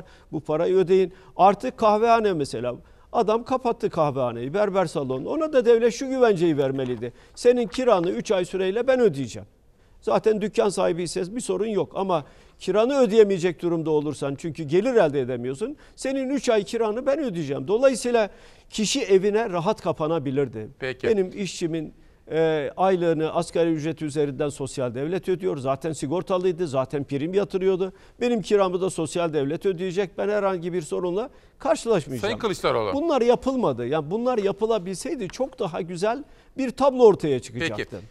Sayın Kılıçdaroğlu şimdi geçen hafta buraya İsmail Küçükkaya Demokrasi Meydanı'na Arzu Çerkezoğlu geldi. Disk Başkanı. Dün de Türk İş Başkanı, Hak İş Başkanı bunların da açıklamaları vardı ve siz de zaten dün onlarla böyle Facebook üzerinden yani görüntülü bir video konferans gerçekleştirdiniz. Bugün elimde Yetkin Report'ta okuduğum Arzu Çerkezoğlu'nun bir yazısı var. Altı madde öneriyor. Evet. İşten çıkarmalar yasaklanmalı bu süreçte. İşten çıkarmalar yasaklanmalı. Zorunlu mal ve hizmet üretimi dışında çalışmalar durdurulmalı. Tüm çalışanların gelirleri güvence altına alınmalı. Şimdi efendim siz dün sendika konfederasyon liderleriyle konuştunuz. Arkadaşlarım kısa bir video hazırladılar. Onu bir izleyelim. Sonra onlarla ne konuştunuz işçiler için onu size soracağım. Ortak hareket etmek e, en azından emeğiyle geçinenlerin, alın teriyle geçinenlerin haklarını savunmak sizin göreviniz. E, bu konuda bir birlik sağlamanız da e, Türkiye içinde, demokrasi içinde çok değerli. Aynı geminin içindeyiz. Geminin lüks kamerası yok. Gemi battığı zaman lüks kamerası da gidecek, hepsi gidecek. CHP Genel Başkanı Kemal Kılıçdaroğlu işçi konfederasyonlarıyla video konferansta buluştu. Kılıçdaroğlu koronavirüs bahanesiyle işten çıkarılmalara karşı ortak bildiri yayınlayan DİSK, Türk İş ve Hak İş temsilcilerine destek verdi. E, işten çıkarmanın bir şekliyle sınırlanması gerekiyor. Bu süreçte hiç kimsenin işinden aşından olmaması lazım. Bu bağlamda biz de size her türlü desteği veriyoruz. Bugün insanlar arasındaki bir ayrım yapmadan bütün herkese eşit bir şekilde taşınması gerektiğini düşünüyorum. Ana muhalefet lideriyle işçi temsilcileri bu süreçte atılacak adımları ele aldı. Çözüm önerilerini sıraladı. Kılıçdaroğlu sistemi rahatlatmak için işsizlik sigortası fonuna adres gösterdi. Ama bu süreçte sigortalı mıydı, sigortasız mıydı diye bir ayrım yapmaksızın herkesin bir gelir güvencesine kavuşması lazım. E, Bu konuda da işsizlik sigortası fonunun harekete geçirilmesi lazım. zorunlu olmayan alanlarda işin durdurulması ve buradaki işçilerin e, gelirinin devlet tarafından güvence altına alınması son derece önemli. E, Zaten bu e, Covid-19'da kişinin siyasi görüşüne, partine, kimliğine, inancına bakmıyor yani. O zaman ortak hareket etmek lazım. Bazı sendikaların işçi çıkarılmaması için işverenle protokol yaptığına dikkat çeken Kılıçdaroğlu iktidara çağrıda bulundu. Ekonomik, sosyal konseyi toplayın dedi. CHP Genel Başkanı Suriyelileri de unutmadı. Sorunlu yaşayanlarla sorunu çözecek olanların bir araya gelmesi lazım. Bu bugüne kadar gerçekleşmedi ama inşallah bundan sonra gerçekleşir. 3 milyon 600 bin de Suriyeli var. E onlardan da bu hastalığa yakalanan var. Onların da hakkı var. Onlar da insan. Onların da hakkını bir şekliyle savunmak zorundayız. CHP lideri Kılıçdaroğlu canlı yayınımızda. Sayın Kılıçdaroğlu ne konuştunuz efendim? Biraz detay verir misiniz? Mesela işten çıkarma olmasın bunları konuştunuz mu? Ee, İsmail Bey, e, daha önce ben e, e, TOP e, Başkanı'na, Türkiye Odalar Borsalar Birliği Başkanı'na, TÜSİAD Başkanı'na, MÜSİAD Başkanı'na ve e, TESK'in e, sayın başkanlarına e, çağrıda bulundum. Dedim ki e, sizler kendi üyelerinize çağrıda bulunun. E, bu süreç içinde iş yeri kapanan var, işsiz olan var. E, bir şekliyle iş yeri kapananlar hiç kimse e, işçisini çıkarmasın bu süre içinde. En azından e, onlara bu güvenceyi versinler diye bir çağrıda bulunmuştum. Bir sendika e, oturdu bir işveren e, sendikasıyla bir sözleşme yaptı ve kimsenin işten çıkarılamayacağına dair e, bir güvence verdi. Bu güzel bir şey. Aslında bunun Türkiye genelinde yaygınlaşması lazım. Şimdi İsmail Bey Evet. sorunun özünde yatan şu. Şimdi sorunu oturup belli bir strateji üzerine oturtursanız yani nasıl çözeceğinize yönelik bir strateji oluşturursanız o sorunu rahatlıkla çözersiniz. Adım adım ve kararlılıkla gidersiniz. Nedir strateji? Sağlıktı. Kime verdiniz? Sağlık çalışanlarına. Kim var orada? Bilim kurulu var. Bilim kurulunda kim var? Doktorlar var. Bu konuda hazırlık yapılmış mı? Yapılmış. Eksiği var, yanlışı var. Şu ayrı bir şey ama bir adım atılmış. İkincisi ne? İşsiz kalanlar. Bunlarla ilgili bir şey yapılmış? Hayır. Üç, ihtiyaç sahibi olanlar var bu süre içerisinde. İhtiyaç sahibi olanlar için bir şey yapılmış mı? Çok sınırlı sayıda bir şey yapıldı. Onun da ayrıntılarını arzu ederseniz e, biraz sonra girebiliriz. Demek ki strateji insan odaklı oluşturulmuş değil. Rant odaklı oluşturulmuş durumda. Zaten bizim itirazımız da burada. Şimdi bu sorun nasıl ele alınmalıydı? Sağlık Bakanlığı sağlık bölümünü aldı. Ekonomik açıdan, sosyal açıdan nerede ele alınması lazım? Ekonomik ve Sosyal Konsey. Adı üstünde. Ekonomik, Sosyal Konsey. Nasıl bir kurul bu? Anayasal bir kurul. En son ne zaman toplanmış? 5 Şubat 2009. Hangi yıldayız? 2020 yılda. 2020 yılında. 11 yıl Neden olmuş. toplanmıyor? Ben çağrı yaptım. Sayın e, Erdoğan'a da çağrı yaptım. Ekonomik Sosyal Konseyi bir an önce toplayın. Neden Ekonomik Sosyal Konseyi? Çünkü sağlık bölümünü Sağlık Bakanlığı, ekonomik ve sosyal bölümünü de Ekonomik ve Sosyal Konsey'in çözmesi lazım. Öneri getirmesi lazım. Ne demek Ekonomik Sosyal Konsey? Orada işçi temsilcileri var, işveren temsilcileri var, çiftçi temsilcileri var, sağlık temsilcileri var. Yani sivil toplumun hemen hemen her kesimi bir şekliyle var. Orada ne oluşuyor? Bir devlet aklı oluşuyor. Ne demek bu devlet aklı? Sorunu yaşayanlar var, sorunu çözecek olanlar var. İkisi karşılıklı oturuyorlar. İşveren, işçi, çiftçi, emekli diyor ki benim şu süreçte ben şu sorunlarla karşılaştım. Dolayısıyla sorunu yaşayandan dinliyor, öbür taraftan da sorunu çözecek olanlardan notlarını alıyorlar ve o çerçevede soruna çözüm üretmeye çalışıyorlar. Bunu söyledim. Sanki ben söylemişim diye. Hayır efendim biz bunu toplamayacağız. Niçin toplamıyorsunuz? Bakın e, Çankaya'da bir toplantı yapıldı. Türk Tabipler Birliği orada yok. Türk Eczacılar Birliği orada yok. Türkiye Ziraat Odalar Birliği orada yok. Niçin yok? Ya bunlar sorun yaşamıyor mu? En ciddi sorunu yaşıyorlar. Bakın bunu ne yaptılar sonunda? Dediler ki biz ihtiyaç sahibi olanlara yardım edeceğiz. Gayet güzel, gayet güzel. Ne kadar para ayırdılar? 2 milyar lira. 2 milyar lira 2 milyon 111 bin aileye biner lira verilecek. Ve bir sefer verilecek. Başka yok zaten para. Başka ne yaptılar? Efendim en düşük emekli aile 1500 lira olacak dediler. Halbuki daha önce diyorlardı ki 1500 liranın altında emekli aylığı yok. Benim de dilimde tüy bitti ya yapmayın etmeyin 1500 liranın altında dünya kadar aylık alanlar vardı. Neyse o da güzel hiç itirazımız yok bakın buna da itirazımız yok. Üçüncüsü de bayramda ödenecek emekli aylarını erken aldılar. Başka sosyal açıdan vatandaşı rahatlatacak, işsizliği rahatlatacak, işinden olanı rahatlatacak. e, Cumhurbaşkanı kararıyla iş yeri kapatılan kuaföründen servisine kadar hemen hemen herkesi işsiz kaldı bu süre içinde. Hiçbir gelir elde etmiyor. E, Onlarla ilgili en ufak bir çözüm yok. Herhangi bir şey yok. Şimdi beni rahatsız eden bu. Ben işçi sendikası arkadaşlarını yani şeyin yapmadığını, Sayın Erdoğan'ın yapmadığını sorumlu, sorumluluğu hisseden bir kişi olarak ben davet ettim. Sağ olsunlar geldiler, oturduk. Ee, malum e, siz de az önce gösterdiniz. O çerçevede konuştuk. Şimdi buradan orada söyleyemediğim bir şey daha var. Lütfen. Aile sigortası, aile yardımları sigortası. Şimdi İsmail Bey, aile yardımları sigortası eğer Türkiye'de olsaydı bütün bu sorunlar çok rahat daha aşılabilirdi. Çünkü aile yardımları sigortası 102 sayılı Uluslararası Çalışma Örgütü'nün kabul ettiği 9 sigorta dalından birisi. 8'i Türkiye'de uygulanıyor, 9.sü uygulanmıyor. Bunu da her seferinde söyledim. İşçi sendikaları da dile getirsinler. Emekli sendikaları da ya da emekli dernekleri de dile getirsinler. Bu işin bu işin e, şöyle veya böyle kıyısında köşesinde ilgi göstereni, akademisyeni, yorumcusu onlar da dile getirsinler.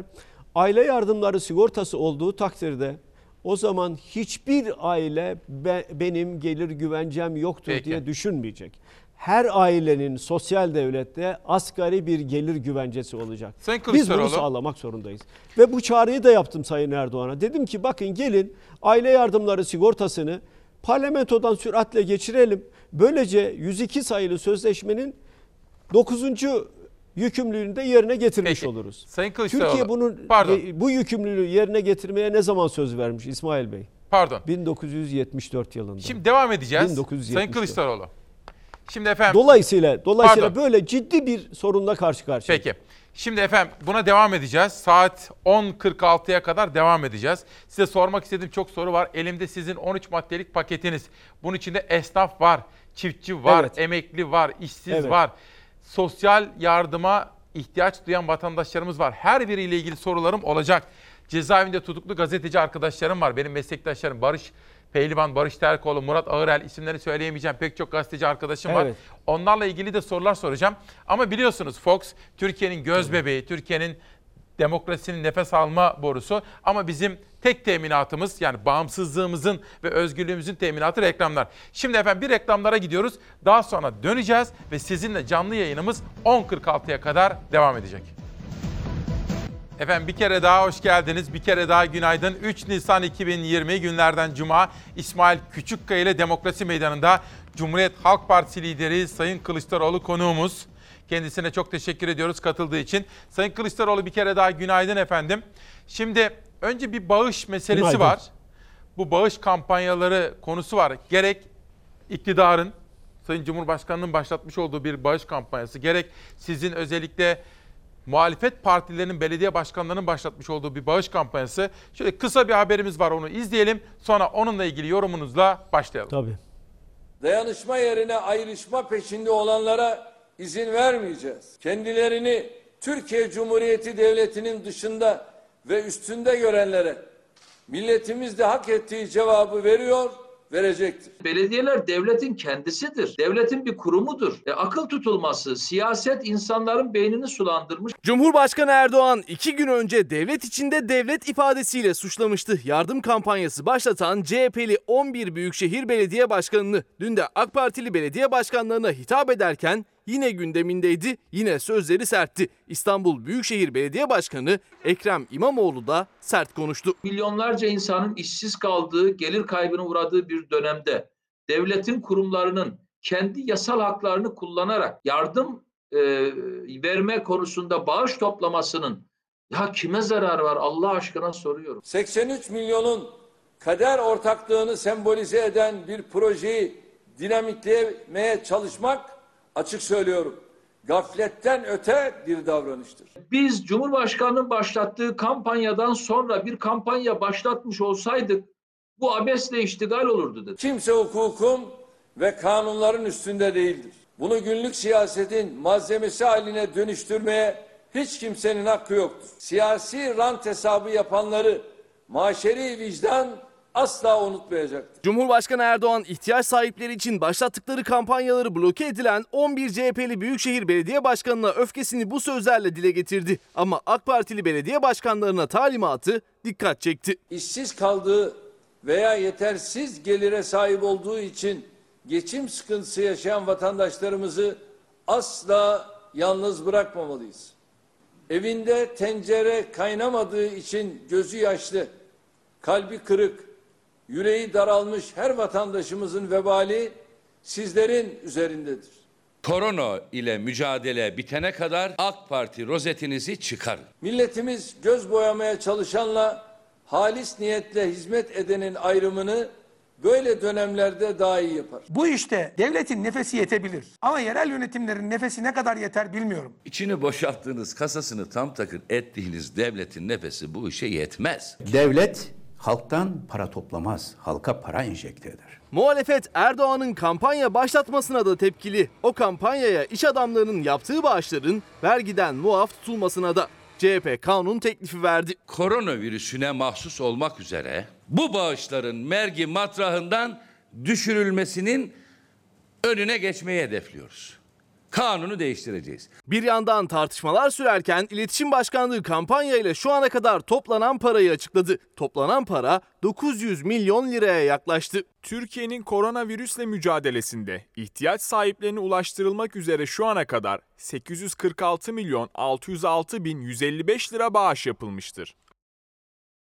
Evet CHP lideri Sayın Kılıçdaroğlu'na soralım. Efendim ne düşünüyorsunuz? Nasıl değerlendiriyorsunuz bu tartışmayı? Efendim e, grup başkan vekilimiz gayet güzel bir şey söyledi. Devlet el açan bir kurum değildir. Devlet el açan vatandaşına yardım eden bir kurumdur. Yine bizim inancımızda önemli bir ilke vardır. İyilikte yarışınız der. İyilikte yarışmak varken neden iyilik yapan yapmak isteyenleri iyilik yapmaktan men ediyorsunuz? Bunu anlamak da mümkün değildir.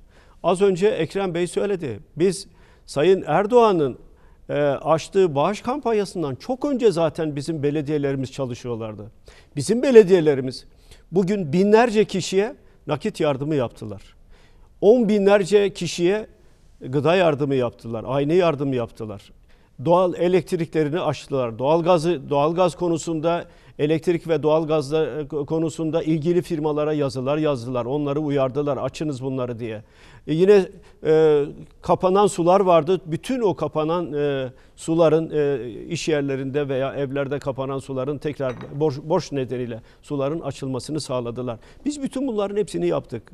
Belediye bakın şimdi e, şunu anlamakta gerçekten zorlanıyorum e, İsmail Bey. Nedir efendim? Anlamakta zorlandığım konu şu.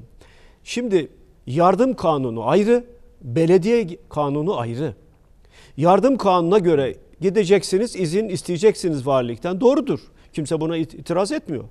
Ama belediyelerin hizmetleri var ve belediye gelirlerinden birisi de bağışlardır. Kanunda yazıyor bunu. Ben ben söylemiyorum. Belediye gelirleri kanunda 5393 sayılı kanun.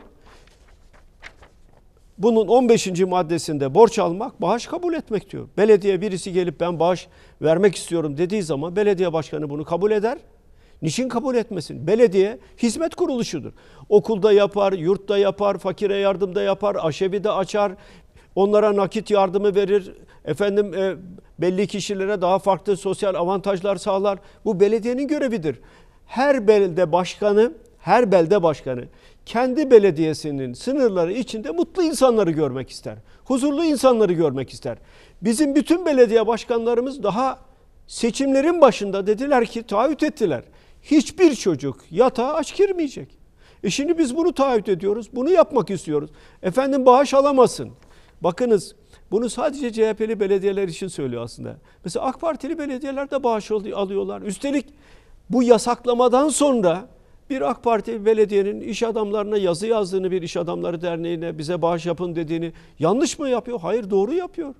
AK Partili belediye başkanları da doğru yapıyorlar. Birisi gelip yardım yapmak istiyorsa Şimdi vatandaş diyelim ki ben çok varlıklıyım e, İsmail Bey. Evet. Yardım yapacağım ama yardımı koli hazırlayacağım 100 tane koli. Ama kimler yoksul bilmiyorum. Açarım 153'ü belediye başkanlığına diyorum ki 100 koli yardımı yapacağım. Bizim belediyeler şunu yapıyorlar. Gelen bağışı alıyorlar. ihtiyaç sahiplerine gönderiyorlar veya veriyorlar veya evlerinde teslim ediyorlar. O ihtiyaç sahiplerine diyorlar ki size bağışı şu kişi yaptı. O ihtiyaç sahiplerinin listesini de bağışı yapan kişiye bildiriyorlar. Bu kadar şeffaf bir düzenleme Peki yapıyoruz. şimdi bir ne olacak Sayın Kılıçdaroğlu? biz. Şimdi Dolayısıyla merkezi iktidar bir bloke etti hesapları da. Fakat siz de bir talimat vermişsiniz belediye başkanlarına. Geçen gün buraya davet ettiğim belediye başkanları onu söylediler. Dediler ki Sayın Genel Başkan bize talimat verdi. En önemli işiniz gıdaları ve diğer yardımları ihtiyaç sahiplerine ulaştırmak. Peki nasıl yapacaklar bundan sonra? Nasıl talimat verdiniz? Yine yapacaklar. Yine yapacaklar. İş dünyasından son derece saygın insanlar var. Yoksullara yardım yapmak istiyorlar. Getirecekler, paketleri verecekler. Veya belediye o paketleri oradan alacak, yoksullara dağıtacak. Yoksullara dağıtırken de şu kişinin e, size e, e, yardım amacıyla verdikleri kolilerdir denecek. Belediye burada aracılık yapacak. Yani kaldı ki başka bir şey daha var. Belediye gelirlerinde yine 59. madde var. Belediye gelirleri arasında bağışlar sayılmış. Bakın yardım değil. Bağışlar sayılmış zaten.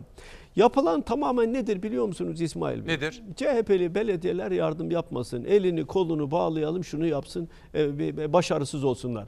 Buradan bütün vatandaşlarıma sesleniyorum. Hangi engeli getirirlerse getirsinler bizim belediye başkanlarımız iyilikte yarışacaklardır. Hiçbir çocuk kendi beldelerinde yatağa aç girmeyeceklerdir. Gerekirse bütün masrafları keseceklerdir. Hatta gerekirse belediye başkanlığı başkanı aylığını dahi bu işe ayıracaktır. Bu konuda çok açık, çok net bir tavrımız var Peki. bizim. Şimdi Çünkü yaşanan soru. salgın, yaşanan salgın çok e, çok derin bir salgın. Peki. Sayın Kılıçdaroğlu şimdi bu elimdeki sizin 14 maddelik öneriler paketinizde çiftçi var, esnaf var, fakir fukara var.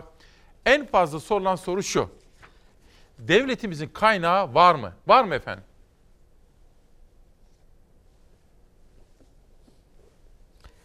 İsmail Bey, e, devletimizin kaynağı var mı?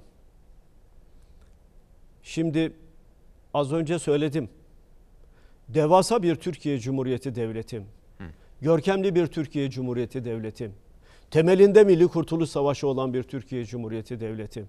İlk kuruluşundan günümüze kadar başarılı bir çizgi izlemek için liyakatli kadrolar yetiştiren bir Türkiye Cumhuriyeti devletim.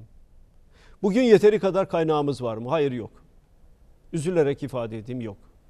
Bağış kampanyası açılmasının nedeni de bu zaten. Yani CHP'li belediyelere vermeyin, sadece bize verin, biz bu yardımı yapacağız. Kaç lira toplandı az önce açıkladınız. 900 milyon liraya yakın Evet, bir evet. Bu paranın büyük bir kısmını kim ödedi? Ziraat Bankası, Merkez Bankası, Vakıflar Bankası, kamu kuruluşları yani. Kamu kurulu. Zaten bunlar devletin parası. Yani siz bu parayı zaten alıp kullanıyorsunuz zaten. Burada bir şey daha var. Bu kurumlar paraları veriyorlar ama kurumlar vergisi beyannamesini verdiklerinde yaptıkları bağışın tamamını vergi matrahından düşecekler. Bir daha söyleyeyim. Sevgili vatandaşlarımız dinlesinler. Bağış yapıyorum diye afra tafra atıyorlar. Sonra kurumlar vergisi beyannamesini verdiklerinde gelir vergisi kanununa göre 10 numaralı bendine göre hatta maddeyi size tam olarak da söyleyebilirim. Lütfen. Gelir vergisi kanununun 89. maddesinin 10 numaralı bendine göre yaptıkları ifade aynen şöyle. Kanundaki ifadeyi okuyorum İsmail Bey. Evet. Cumhurbaşkanınca başlatılan yardım kampanyalarına makbuz karşılığı yapılan aydi, ayni ve nakdi bağışların tamamı vergi matrahından indirilir. Tamamı.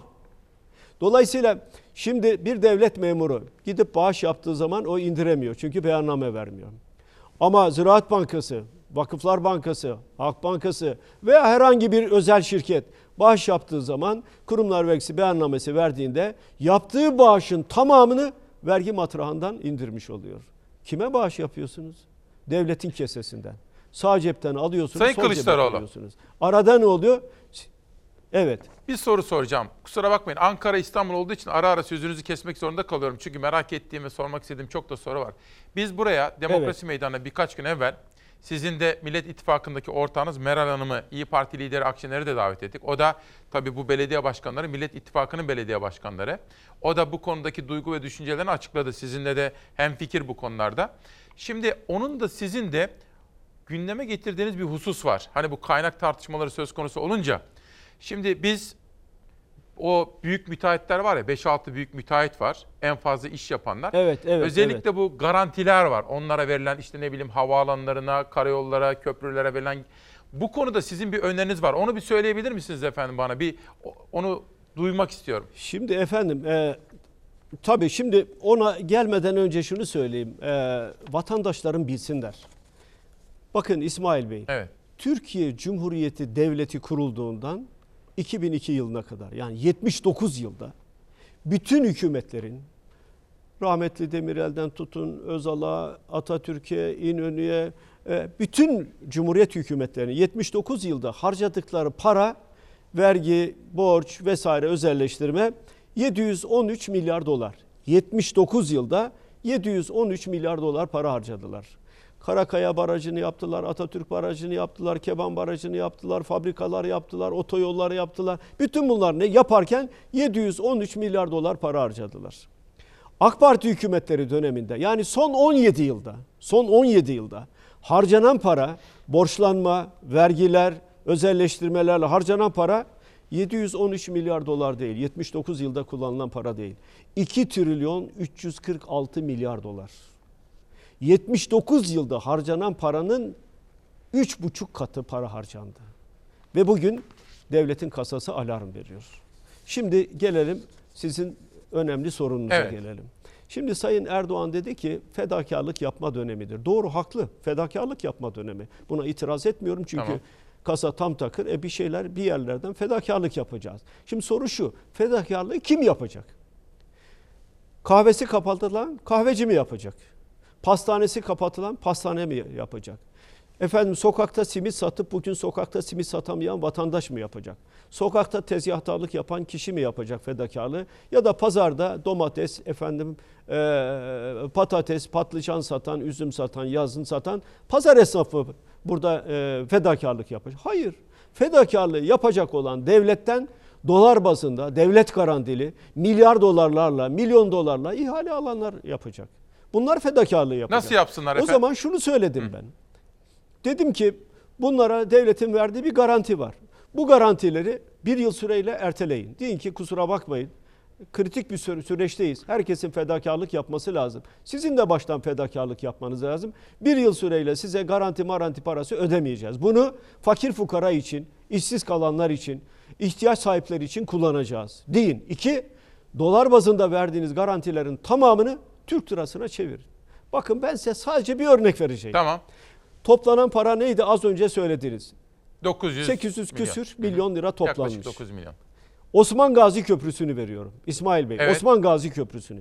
2020 yılında hazineye maliyeti yani hazineden ödenecek yani bu ülkenin 83 milyonlu ödediği vergilerden ödenecek para 2 milyar 300 milyon lira. Sadece 2020 yılında. Bu bağışın iki katından Yavuz fazla. Sultan Selim Köprüsü için ödenecek evet 790 milyon lira.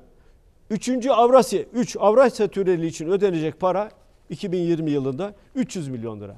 Üçü için sadece üçü bakın Peki. diğerlerini katmıyorum. Şehir hastanelerini vesaire katmıyorum. Sadece bu üçü için 2020 yılında devletin hazineden ödeyeceği para 3 milyar 400 milyon lira. Şimdi bu anlaşıldı. Bir soru Otoyolları sormak da isterim. katarsanız bunun içine. Sayın Kılıçdaroğlu. Şimdi bugün Aydınlık Gazetesi'nde, bugün ben size farklı gazetelerde manşetler soracağım. Aydınlık Gazetesi'nde ki biliyorsunuz hükümeti pek çok konuda destekleyen bir gruptur Doğu Perinçek. Şimdi tek çare para basmak Evet. diyor. İşçiyi, işsizi, çiftçiyi, esnafı, sanayiciyi rahatlatalım diyor. Şimdi böyle bir öneriyle çıkmış. Siz Cumhuriyet Halk Partisi'nin genel başkanı olarak ki uzun yıllar ekonomi bürokrasisinde görev yaptınız, SGK'da görev yaptınız. Bu öneriye nasıl bakarsınız efendim? Zaten e, onun dışında başka bir çare kalmadı e, İsmail Bey. Öyle mi? Eğer bu dediğim ödemeleri kontrol edebilirlerse buradan belli miktarda para alacaklar. Tasarruf yapabilecekler. İsrafı önlemeleri lazım. Hala israf yapılıyor. Kanal İstanbul hayalinden vazgeçmeleri lazım. Oraya vereceğiniz 80-90 e, milyar liralık bir yatırımı getirin başka yerlerde harcayın. Fakir fukara için harcayın, ihtiyaç sahipleri için harcayın, fabrikalar için harcayın, yeni istihdam alanları yapın. Yani bütün bunları yapmak varken aklı bir tarafa bırakmışız, mantığı bir tarafa bırakmışız. Gerçekten üzülüyorum. Gerçekten. Bakın bir örnek vereyim size Lütfen. İsmail Bey. Tamam. Gerçekten içim yandı. Dinlediğim zaman yandım. Şimdi ilk başta sokağa çıkma yasağı ilan edilince 65 yaş üstündekiler kahveci bakıyor ki kahveye gelen kişi sayısı 3'ü 4'ü geçmiyor. Yanında çalışan 3 kişiden diyor ki ikisine sizin işinize son vermek zorundayım çünkü size para ödeyemiyorum. Bu iki kişi ağlayarak geliyorlar, ağlayarak. Ya bizim aldığımız ücretin yarısını ver bize çünkü eve götürecek, ekmek götürecek paramız yok. Sadece bu var diyor. Başka bir şey kalmadı diyorlar. Ve kahveci o iki kişiye tamam diyor ikinize tek maaş vereceğim bu şekliyle yapın. Sonra bu kahve kapandı. Türkiye genelindeki bütün kahveler gibi. Şimdi bu insanlık dramını sonlandırmak için adım atacakken hala devlet garantisiyle devletten milyarlarca lira parayı alan kişilere siz hiçbir tasarruf yapmayın. Herhangi bir fedakarlığa katılmayın ama nasıl olsa devlet memurları var. Onların maaşından keseceğim. Hakimler var. Yargıtay Başkanı da genelge çıkardı. Onun onların da maaşından alacağım. Öğretmenler var. Onların da maaşından alacağım. E, vergileri toplayacağım zaten. E size bu parayı vereceğim. Ne kalıyor geriye? para basmak kalıyor. Peki, bir soru. Eğer kontrolü yapmazsanız o da felaket olur. Peki. Çok teşekkür ederim. Şimdi efendim dün İsmail Küçükkale Demokrasi Meydanı'nda esnafların liderini davet ettik biz. Burada onunla konuştuk. TESK, Türkiye Esnaf Sanatkar Konfederasyonları Başkanı Evet. Bendevi Palandöken'le. O da iktidara bir takım çağrılarda bulunuyordu. Çünkü esnaf dükkanını kapattı. Ne yapacak? Eve nasıl ekmek götürecek? Küçük bir haber hazırlattırdık. Onu izleyelim. Sonra esnafla devam edelim olur mu? Covid'in Türkiye ekonomisine maliyeti 20 milyar TL'ye yaklaşmış durumda. Koronavirüs tüm sektörlerde etkisini göstermeye başladı. Restoran ve giyim başta olmak üzere birçok sektör koronavirüs sonrası zora girdi. Tüketim durma noktasına geldi. Birkaç haftada kayıp 20 milyar liraya dayandı. Hem üretim tarafında aksamalar söz konusu hem de salgının yayılmasını engellemek için evine kapanan insandan bahsediyoruz. Dolayısıyla bir talep daralması, tüketim daralması var. Merkez Bankası'nın banka kartı ve kredi kartı harcama verileri sektördeki kaybı ortaya koyuyor. Mart ayının son iki haftasına bakıldığı zaman harcamanın geçtiğimiz yıla göre arttığı tek bir alan var. O da gıda ve market harcaması. Bunda hijyen nedeniyle nakit paranın daha az kullanılmaya başlamasının da etkisi var. Evden online alışveriş arttı. Geçtiğimiz sene 40 milyar lira civarında olan harcama tutarı e, marketlerden şu anda 50 milyarlara 52 milyarlara çıkmış durumda. Geçtiğimiz sene 10 milyar lira civarında olan gıda harcamaları şu anda haftalık 13 milyar liraya çıkmış durumda. Tüketiciler harcamalarını önceliklere göre yapmaya başladı. Sadece gıda ve temizlik malzemeleri alınıyor genelde. Giyim mağazaları ise büyük kısmı kapalı. Sadece birkaç tanesi açık büyük caddelerde. Ona da gelen giden müşteri yok. Hazır giyim, aksesuar tüketimi geçtiğimiz sene bu dönem 9 milyar lirayken bir anda çok sert bir şekilde düşüyor ve 5 milyar liraya geriliyor. Müşteri olmadığı için restoranların büyük kısmı kapalı. Açık olanlarsa sadece paket servisi hizmeti veriyor ama insanlar dışarıdan yemek yemeye çekindiği için yemekler genelde evde pişiyor. Restoranların kaybını resmi veriler de ortaya koyuyor. Restoran, kafe gibi yerlerde ciro kaybı çok büyük. Restoranların kapanmasının yaklaşık haftalık maliyeti 10 milyar liraya çıkmış durumda. Kayıp bununla da sınırlı değil çünkü esnafın cirosu düştüğünde çalışanı da işsiz kalıyor, ekonomik kayıp büyüyor. 20 milyar lira ekonomik büyüklük ortadan kalktığında iş kaybı demek aslında e, emek kaybı demek. Ekonomi uzmanlarına göre tüketim yeniden canlanana kadar esnafa somut destekler şart. Küçük esnafa, restoran sahibine, mağaza sahibine hükümetin önümüzdeki dönemde 3 ay, 4 ay idare edecek şekilde nakit desteği vermesi, borç desteği değil, nakit desteği vermesi çok önemli. En azından buralarda çalışan ve işsiz kalan ya da ücretsiz izne ayrılan ya da firma sahiplerine kendilerini güvende hissedebilecekleri bir nakit desteğin hükümet tarafından kaynağı bulunarak bir an evvel verilmesinin çok önemli olduğu kanaatindeyim. Evet, esnafın durumu böyle. CHP lideri Kılıçdaroğlu'na soracağız. Sayın Kılıçdaroğlu, şimdi elimde bugünkü Cumhuriyet Gazetesi var. Ve orada Kılıçdaroğlu telekonferans yoluyla Türk İş, Disk ve Hak İş başkanlarıyla görüştü. Kimse işten çıkartılmamalı dedi. Sizin sözleriniz bugün Cumhuriyet Gazetesi'nde böylesine bir manşet olarak yer almış. Esnafla ilgili manşetleri de sizlere aktardık. Peki efendim ne yapacağız? Bundan sonra nasıl bu salgın daha da devam edecek? Çünkü bunun ekonomiye yansımaları da öyle kolay kolay bitecek gibi değil. Bakın Amerika'da 10 milyon kişi işsizlik başvurusunda bulundu. İspanya bütün tarihinde olmadığı kadar işsizlik başvurusunda bulundu. E bundan sonra da bu iş böyle devam ederse ne yapacağız? Nasıl çıkacağız? İsmail Bey az önce söyledim. Eğer bir stratejiniz yoksa sorunu çözmek için bir stratejiniz yoksa başarı sağlayamazsınız. Strateji neydi? Strateji şuydu. Önce sağlık, önlemler alınacak, yasaklar getirilecek. Bilim kurulunun söylediği kurallara uyulacak. Bilim kurulunun, Erdoğan'ın değil. Erdoğan'ın söylediğine uyarsanız bugünkü tablo çıkıyor. Ama bilim kurulu ta en baştan şunları şunları şunları yapın dedi. Maalesef onların büyük bir kısmı yapılmadı. Zaten sorun oradan. İki, iş yerlerini kapattınız ama orada çalışan işçiler için hiçbir önlem almadınız. Dükkanı kapatılan, kiralık dükkanı kapatılan esnaf için bir şey almadınız. Onun kredi kartı var.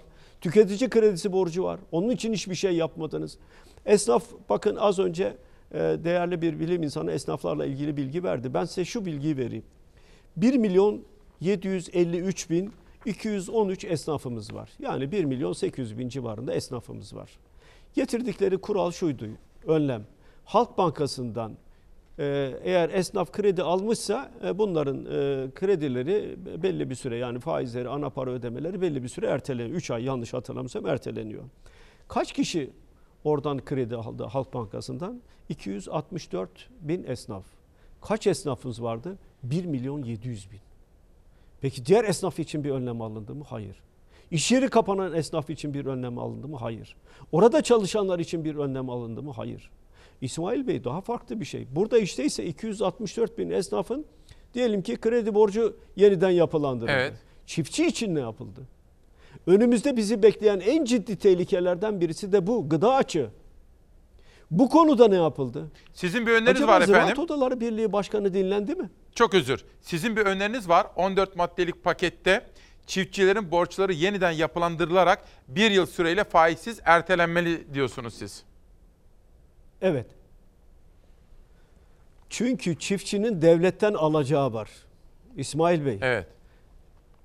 Tarım Kanun Tarım Kanunu 21. maddesine göre milli gelirin %1'i oranda en az %1'i oranda çiftçiye her yıl destek verilir. Hiçbir zaman %1'i oranda verilmedi. Çiftçinin devletten alacağı var. Çiftçinin Erdoğan'dan alacağı var. Ama o alacak ödenmediği gibi çiftçi şu anda borç batağında. Gerçekten samimi olarak söylüyorum borç batağında. E çiftçinin borçları da bir yıl süreyle faizsiz ertelensin, yeniden yapılandırılsın. Ne olacak yani? Herkes fedakarlığa kat, katlansın diyoruz. Çiftçinin, esnafın sorununu çözmek için az önce söyledim İsmail Bey. Evet. Bu devlet garantisi dolar bazında para alanların alacakları ertelenirse bu sorun büyük ölçüde çözülür. Bir en de şu azından bir efendim. yıl çiftçi de rahatlar, esnaf da rahatlar. Sayın Kılıçdaroğlu. Şimdi en çok gelen mesaj bana günlerdir şu. İsmail Bey diyorlar evde kal diyorsun. Tamam kalalım da. Bir, çalışmak zorundayız. Bakın en fazla gelen mesaj bu. Çalışmak zorunda. İnşaatlarda, karayolu, tünel inşaatlarında çalışanlar, fabrikalarda, atölyelerde, kargo şirketlerinde, PTT'de şurada burada çalışanlar, itfaiye çalışanları, polisimiz, zabıta bunlar. Bir, bu bir kere önemli bir husus. Bir de elektrik, su, doğalgaz faturası. Şöyle sorsam size efendim. Siz bugün Türkiye'yi yöneten kişi olsanız ve böyle bir salgınla karşı karşıya kalsak elektrik, su, doğalgaz faturası konusunda ne yapabilirsiniz? elektrik, doğalgaz faturalarını askıya alırım. Şimdi bakın biz e, suyu kesilen aboneler dahil olmak üzere herkesin suyunu açtık. Bizim belediyeler bunu yaptı. Sayın Erdoğan belediye başkanlarıyla konuşurken de olur mu doğalgaz, elektrik kesilir mi dedi. Peki ben merak ediyorum. Hangi doğalgaz şirketi e, gerekli önlemleri aldı veya vatandaşı koruma yönünde ben bu süre içinde almayacağım, fatura düzenlemeyeceğim dedi. Hangi elektrik şirketi gereğini yaptı? Hiçbirisi yapmadı. Bize gelen herhangi bir bilgi yok. Bunu belediyelere soruyoruz. Ama bizim belediye başkanlarına istirham ettik. Dedik ki siz o şirketlere bir yazı yazın. Yani e, Türkiye çok ciddi bir süreçten geçiyor. Bir milli dayanışmaya ihtiyacımız var. Sizler de fedakarlık yapın. Elektrik ve doğalgaz faturalarını bu süre içerisinde uygulamaya koymayın. Yani belli bir süre siz de fedakarlık yapın diye biz belediye başkanlarımız öneride bulundu. Ama bu konuda alınan bir karar yok. Siyasi iktidarın karar alması lazım. Niye karar almıyor? Hangi gerekçeyle karar almıyor? Söylemesi kolay, işe gelince yok. Söylemesi kolay. Rantiyeden alması gereken parayı almıyor. Rantiyeden alacaksın. Milyar dolarları kazananlardan alacaksın. Fedakarlık yapması gereken onlar, onlardan alacaksın. Bakın İsmail Bey bir şey daha var. Evet. Bir KOBİ'yi düşünün. Bir esnaf, KOBİ, küçük işletme. Tamam. Geçmişte bir çek ödemedi diye sicil, sicili e, ne not düşülmüş bu bankalardan kredi alamıyor. Dedik ki çok süratli bir şekilde bir sicil affını getirin. Sicil affını çıkarın. Hiç değilse bu küçük işletmeler gidip bankalardan kredi alabilsinler. Bunu atlatabilsinler. Bakın faizli kredi alsınlar. Yani en azından bunu rahatlatalım. Hala çıkmadı. Hala yapmadılar. Şimdi Niye yapmıyorlar? Sizin Niye sizin, yapmıyorlar? Sizin pakette Ama o milyar dolarlık garanti verilenler talepte bulunsa hemen yaparlardı. Peki. Şimdi diyorsunuz ki efendim 11. madde bu süreçte yoksullar, işsizler sağlıklarıyla uğraşırken bunların ödeyemediği faturaları düşünmemeleri için süratle bir aile yardımları sigortası biraz önce söylemiştiniz ama burada bir rakam da var. Aile yardımları sigortası yasası çıkarılmalı ve her yoksul aileye en az 2000 liralık gelir güvencesi sağlanmalı. Yani her ay ikişer bin lira mı verilmesini öneriyorsunuz? her ay aile yardımları sigortası çıktığı zaman her ay 2000 lira yok ihtiyaç sahibi aile yoksul Tamam. da demeyelim. İhtiyaç sahibi ailelere her ay 2000 lira gelir güvencesi vermeli. Sosyal devlet dediğiniz budur. Bakın ben Fransa'yı gayet iyi biliyorum. Evet. Orada bir süre kaldım. Fransa'da gelir düzeyiniz ne olursa olsun sizin çocuğunuzun süt parasını sizin banka hesabınıza gönderiyorlar. Eğer pek çok ülkede her aileye geliri ne olursa olsun asgari gelir güven 2000 dolar vereceğim diyor. 1000 dolar vereceğim Kanada diyor. 2000 dedi 100, efendim e, 1000 e, avro vereceğim diyor. 500 avro vereceğim diyor. Bunlar gelir güvencesi. Ne- Nasıl yapıyorlar bunu? Aile yardımları sigortasıyla. Niçin aile yardımları sigortası var? Neden olması lazım? Çünkü sağ elin verdiğini sol el görmeyecek. Çünkü yoksulluk yani ihtiyaç sahibi olan aile istismar edilmeyecek. Siyaseten istismar edilmeyecek. Peki. Bizim partili, A partili, B partili diye bir ayrım yapılmayacak. Kişi diyecek ki ben aç, aç ve açıkta kalmayacağım. Çocuğum da aç ve açıkta kalmayacak. Bizim asgari bir gelir güvencemiz var. İşimiz yok, işimiz bittiyse e, devlet aile yardımları sigortası tıpkı işsizlikte olduğu gibi aile yardımları sigortasında da bu yoksul aileler, ihtiyaç sahibi aileler bir gelir güvencesine kazan e, kavuşmuş olacaklar. Buradan de- şunu da söyleyeyim. Buyurun. İhtiyaç sahibi aile veya yoksul aile bir prim ödemeyecek. Yani sigorta primi ödemeyecek. Onu da bilmelerini isterim. Peki. Çünkü bu sigorta dalının özünde primi varlıklı kesil- kişi- kişilerden, kesimlerden alıyorsunuz. Fox Haber muhabirleri İşkur'un önüne gittiler Sayın Kılıçdaroğlu. O manzarayı şimdi size bir sormak istiyorum. Hazırsa hazır mı Savaş? İzleyelim. Ayın 20'sinde işime son verildi. Ayın o süreçten bu sürece kadarı işsizim. Bir anda bir telefon geldi. İş hakkınız fes olmuştur diye. Bir şey diyemedim. Nutkum durdu. 31 Mart'a kadar işim vardı. Bir anda işsiz kaldık. Daha sonra daha önceden bize şu günü işsiz kalacağınız diye bir şey yok. Ertesi gün yine dönecek gibi çıktıkları iş yerleri yerine Ankara İşkur kapısındalar.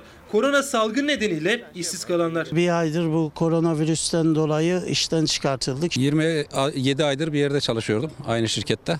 Ee, bu virüs dolayısıyla 31 Mart itibariyle işimize son verildi. Salgın sonrası iş yerleri bir bir kepenk kapattı. Olansa çalışanlar oldu. Hepsi işsiz kaldılar. Onlar için artık tek bir adres var. İşkur kapısı. Özel sektör ilanlarında şu anda zaten mevcut değil. İşçi çıkarımı söz konusu olduğu için. O özel sektör 2019 yılında olduğu gibi 2020 yılında da artı 2 istihdam sözü vermişti ama artık iş ilanı vermiyor. Bak hedef artı iki istihdam. İşkurda çözüm yok. Sadece prosedür gereği buraya başvuruyorsunuz. Ama şu anda yönlendirebileceğimiz bir ilan yok sistemde. Ben şu anda buraya gelmem için arkadaşımla dolmuş parası aldım geldim. Evim kira, elektriğim, suyum. Allah yardım etsin. Ben Allah'tan yardım istiyorum. İşkur kapısında sıra uzayıp gidiyor ama kurum bugünlerde iş arayanlara umut veremiyor. Sadece işsizlik maaşı başvurularını kabul edebiliyor. Özel yerlerde zaten malum kısa çalışma Ha, aynen. işçi çıkardığı için Tamam. iş alımları da ona göre durdurulmuş. Tamam. Sayın Kılıçdaroğlu maalesef maalesef işsizlik rakamları artacak efendim. Nasıl ne çözüm öneriyorsunuz? Ee, İsmail Bey, sadece az önce saydığım e, iş yerleri, e, 400 e, küsür e, bin iş yeri kapanmıştı. E, o kapatılan iş yerlerinde çalışanların sayısı, e, yani işsiz kalanların sayısı şu anda e, 2 milyonu aşmış vaziyette.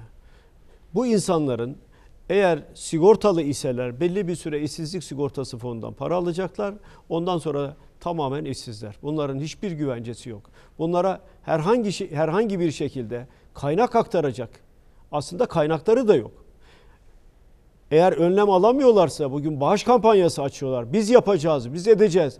Bağış kampanyasının arkasına da sığınarak diyorlar ki bunu milli gücümüzü ortaya koymak için ya hamaset ediyorlar. Ya hamaset yapacak zaman mı Allah aşkına ya? Zaman mı yani başka zaman mı bulamadınız? İyilikte yarışacaksınız kardeşim. Bırak belediye dağılsın. Sen de bağış kampanyası açtı, açtıysan aç. Açtığın bağış kampanyası yaraya merhem olmayacak. Ciddi önlemler almak lazım. Ciddi tedbirler almak lazım. Bunları almadığın takdirde çok daha ciddi sorunlarla karşılaşacağız. İnsanlar açlık konusunda ciddi bir sınav vere- verecek sürecin içine sokulmaya başlandı. Fedakarlık yapanlardan para istemiyorsun. Garipte, garipten, memurdan, işçiden para istiyorsun. Zorla devlet dairelerine genelge çıkartarak illa bağış yapacaksınız di- diye e, genelgeler çıkarıyorsun. Ya bunlar olacak. Bunlar yani aklın alacağı şeyler değil. Bakınız Sayın Devletin Kılıçdaroğlu. oturup yeniden yapılandırılması lazım. Biraz evvel size elektrik, su, doğalgaz faturasına dair bir soru sormuştum. Bana en çok gelen soru buydu. Ya bunları bir bir yıl ertelesek diye. Bugün EPDK bir karar aldı. Nurgül Uçar hanımefendi de bana soruyor. Sevgili İsmail Bey günaydın. Doğalgaz ve elektrikte sayaçlar okunmadan eski tüketim ortalamasına göre yazılacakmış. Bunu gündeminize alır mısınız efendim? Bu ne getiriyor ne getiriyor? Bakın bırakın elektrik, su, doğalgaz faturaları ile ilgili ödemeleri askıya almayı. Sayaç okuması yapılmayacak ama eski otomatik ödeme ortalamasına göre sayaç yazılacakmış efendim. Buna ne dersiniz mesela? Yani para almaya devam edeceğiz diyor. İşin Türkçesi o. Para almaya devam edeceğiz. Ee, hatırlar mısınız e, Sayın Mansur Yavaş e, doğalgaz sayaçlarını okutmayacağız dedi. Okutmayacağız deyince de tabii parayı nasıl alacaklar? O zaman geriye dönecekler. Geçmişte ne kadar ayda ne kadar ödüyorsa aynı miktarda parayı almaya devam edecekler. Yani hiçbir fedakarlığa katlanmayacaklar. Elektrik üretip satanlar da e, doğalgaz e, e, vatandaşa doğalgazı bağlayanlar da herhangi bir şeye yükümlülüğün altına girmeyecekler. Ama bunlar şunu yapabiliyorlar. Eğer Erdoğan talimat verirse çocuklarının üyesi olduğu vakıflara dünyanın parasını verebiliyorlar. Amerika'daki gökdelenin inşası için 22 milyon dolar para verildi. 22 milyon dolar. 22 milyon doları kim verdi?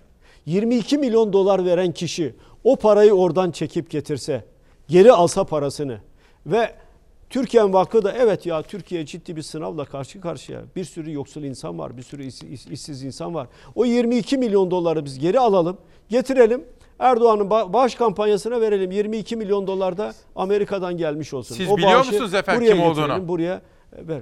O bağışı yapanın kim olduğunu biliyor musunuz? Ee, ba- bağışı yapanın kim olduğunu bilmiyoruz. Çünkü e, Amerika e, Amerika'daki temsilcimiz rakamları e, alabiliyor. IRS isimleri vermiyor. Yani oradaki gelir idaresi başkanlığı Bugün- isimleri vermiyor. bugün Saygı Ama Öztürk gelen yazmış. paraları kimde e, hangi ülkeden geldiğini gösteriyor. Saygı Öztürk bugün yazmış efendim 54 milyon dolarlık bir bağış toplam. Sizin ifade ettiğiniz gibi 22 milyon dolarlık bir bağış yapılmış. Bir de toplam 54 milyona çıkmış. Bu arada efendim şimdi Sabah gazetesi de bugün gün birlik, beraberlik ve kardeşlik günü manşetiyle çıkmış. Erdoğan'dan belediye başkanlarına koronavirüste mücadele mesajı. Bakın Sayın Erdoğan da tabii korona nedeniyle bir önlem alıp bu şekilde video konferans aracılığıyla konuşmuştu. Ne dersiniz? Gün birlik, beraberlik ve kardeşlik günü. Sayın Cumhurbaşkanı sözlerine ne dersiniz? E doğrudur. E, gün e, birlik, beraberlik, kardeşlik günüdür. Biz zaten öyle yapıyoruz. Zaten o çerçevede hareket ediyoruz. Bütün önerilerimizi o çerçevede yaptık. Fedakarlık dönemidir dedik. Fedakarlık yapması gerekenlerin fedakarlık yapması gerekir dedik. El birliği, işbirliği yapılması gerekir dedik. Merkezi hükümette yerel yönetimlerin işbirliği yapması lazım. Yerel yönetimler e, kendi beldelerini çok daha iyi tanıyorlar. Bunları kalkıp da suçlamak yok. Paralel devlet diye suçlamak kadar abes bir şey yok. Ne paralel devleti kardeşim ya nereden çıkardın? Belediye başkanı zaten Ankara'nın dışına çıkmaz ki.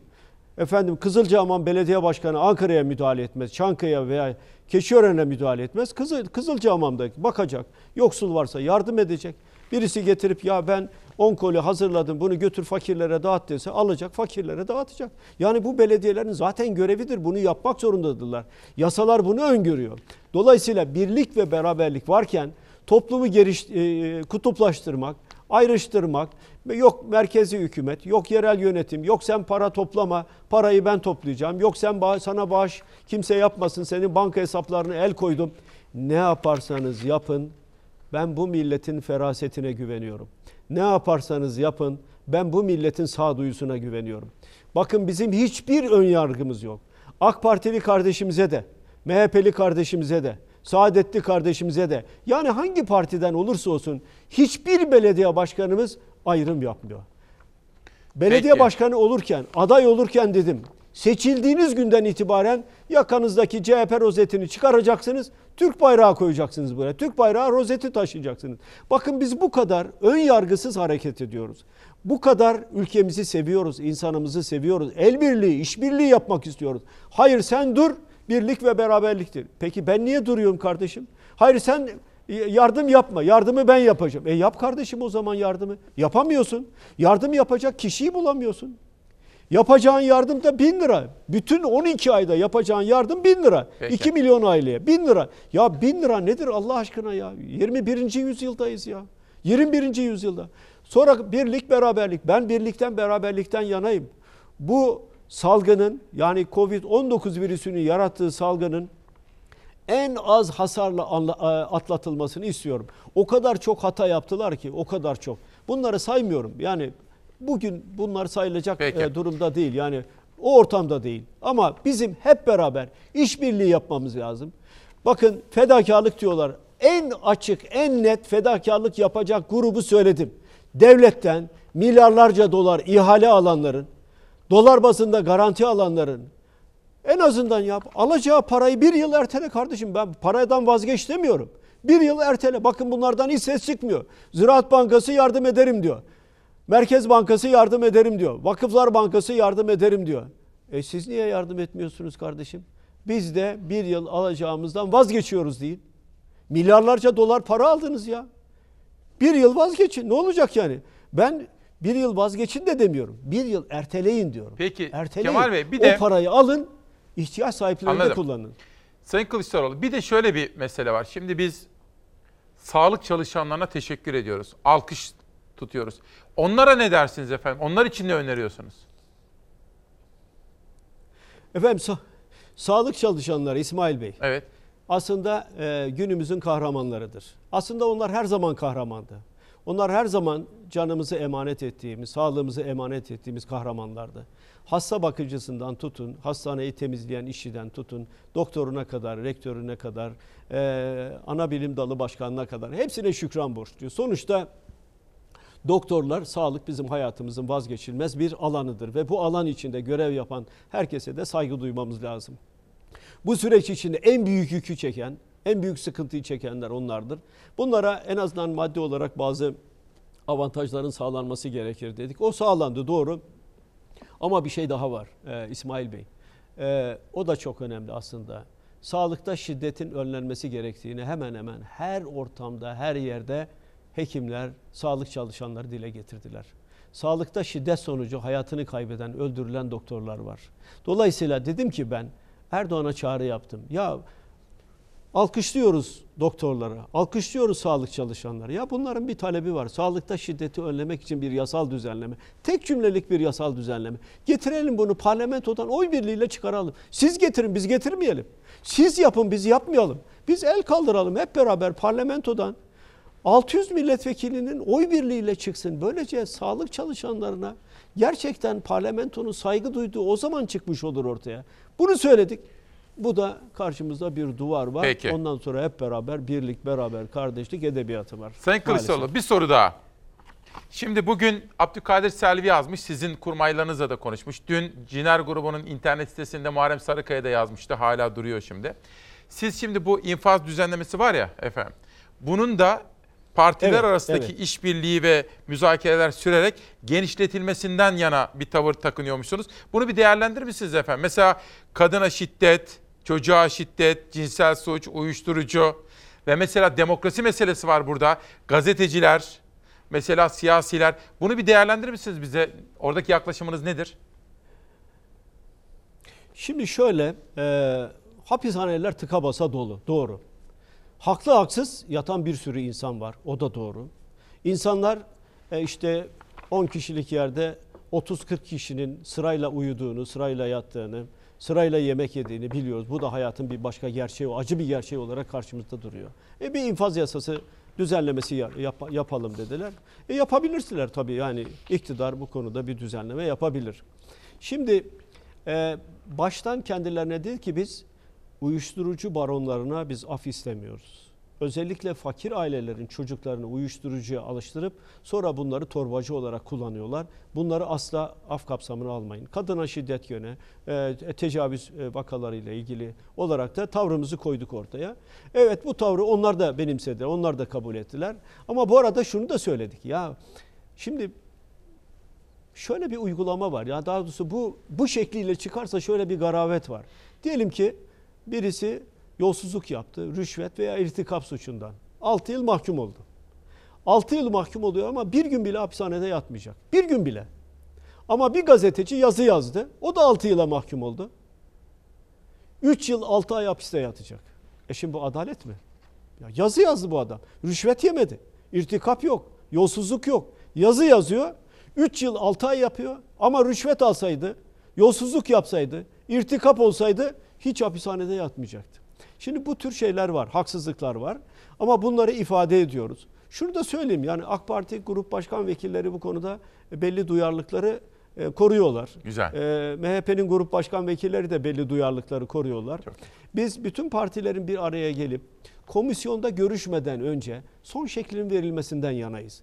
Artı bakın bir şey daha söyleyeyim. Evet. Gazeteciler hapiste, avukatlar hapiste, askeri öğrenciler hapiste, erler hapiste, akademisyenler hapiste. Şimdi bunların çıkması lazım. Ya bunlar hapiste olursa siz ülkemizde demokrasi vardırı anlatamazsınız. Böyle bir şey olmaz.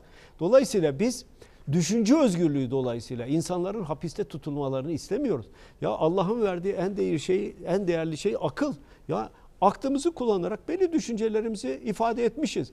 Yanlıştır, doğrudur. Katılırlar, katılmazlar. Elimize silah almadığımız sürece, birisine hakaret etmediğimiz sürece, birisini dövmediğimiz sürece, yani şiddet kullanmadığımız sürece düşünce özgürlüğünün öndeki engellerin kalkması lazım. 21. yüzyıldayız biz. Ben bunları söylediğim zaman eleştiri de geliyor ama önemli değil. Biz her türlü eleştiriye açığız zaten. Eleştirilere de saygı duyarız. Önemli olan şu.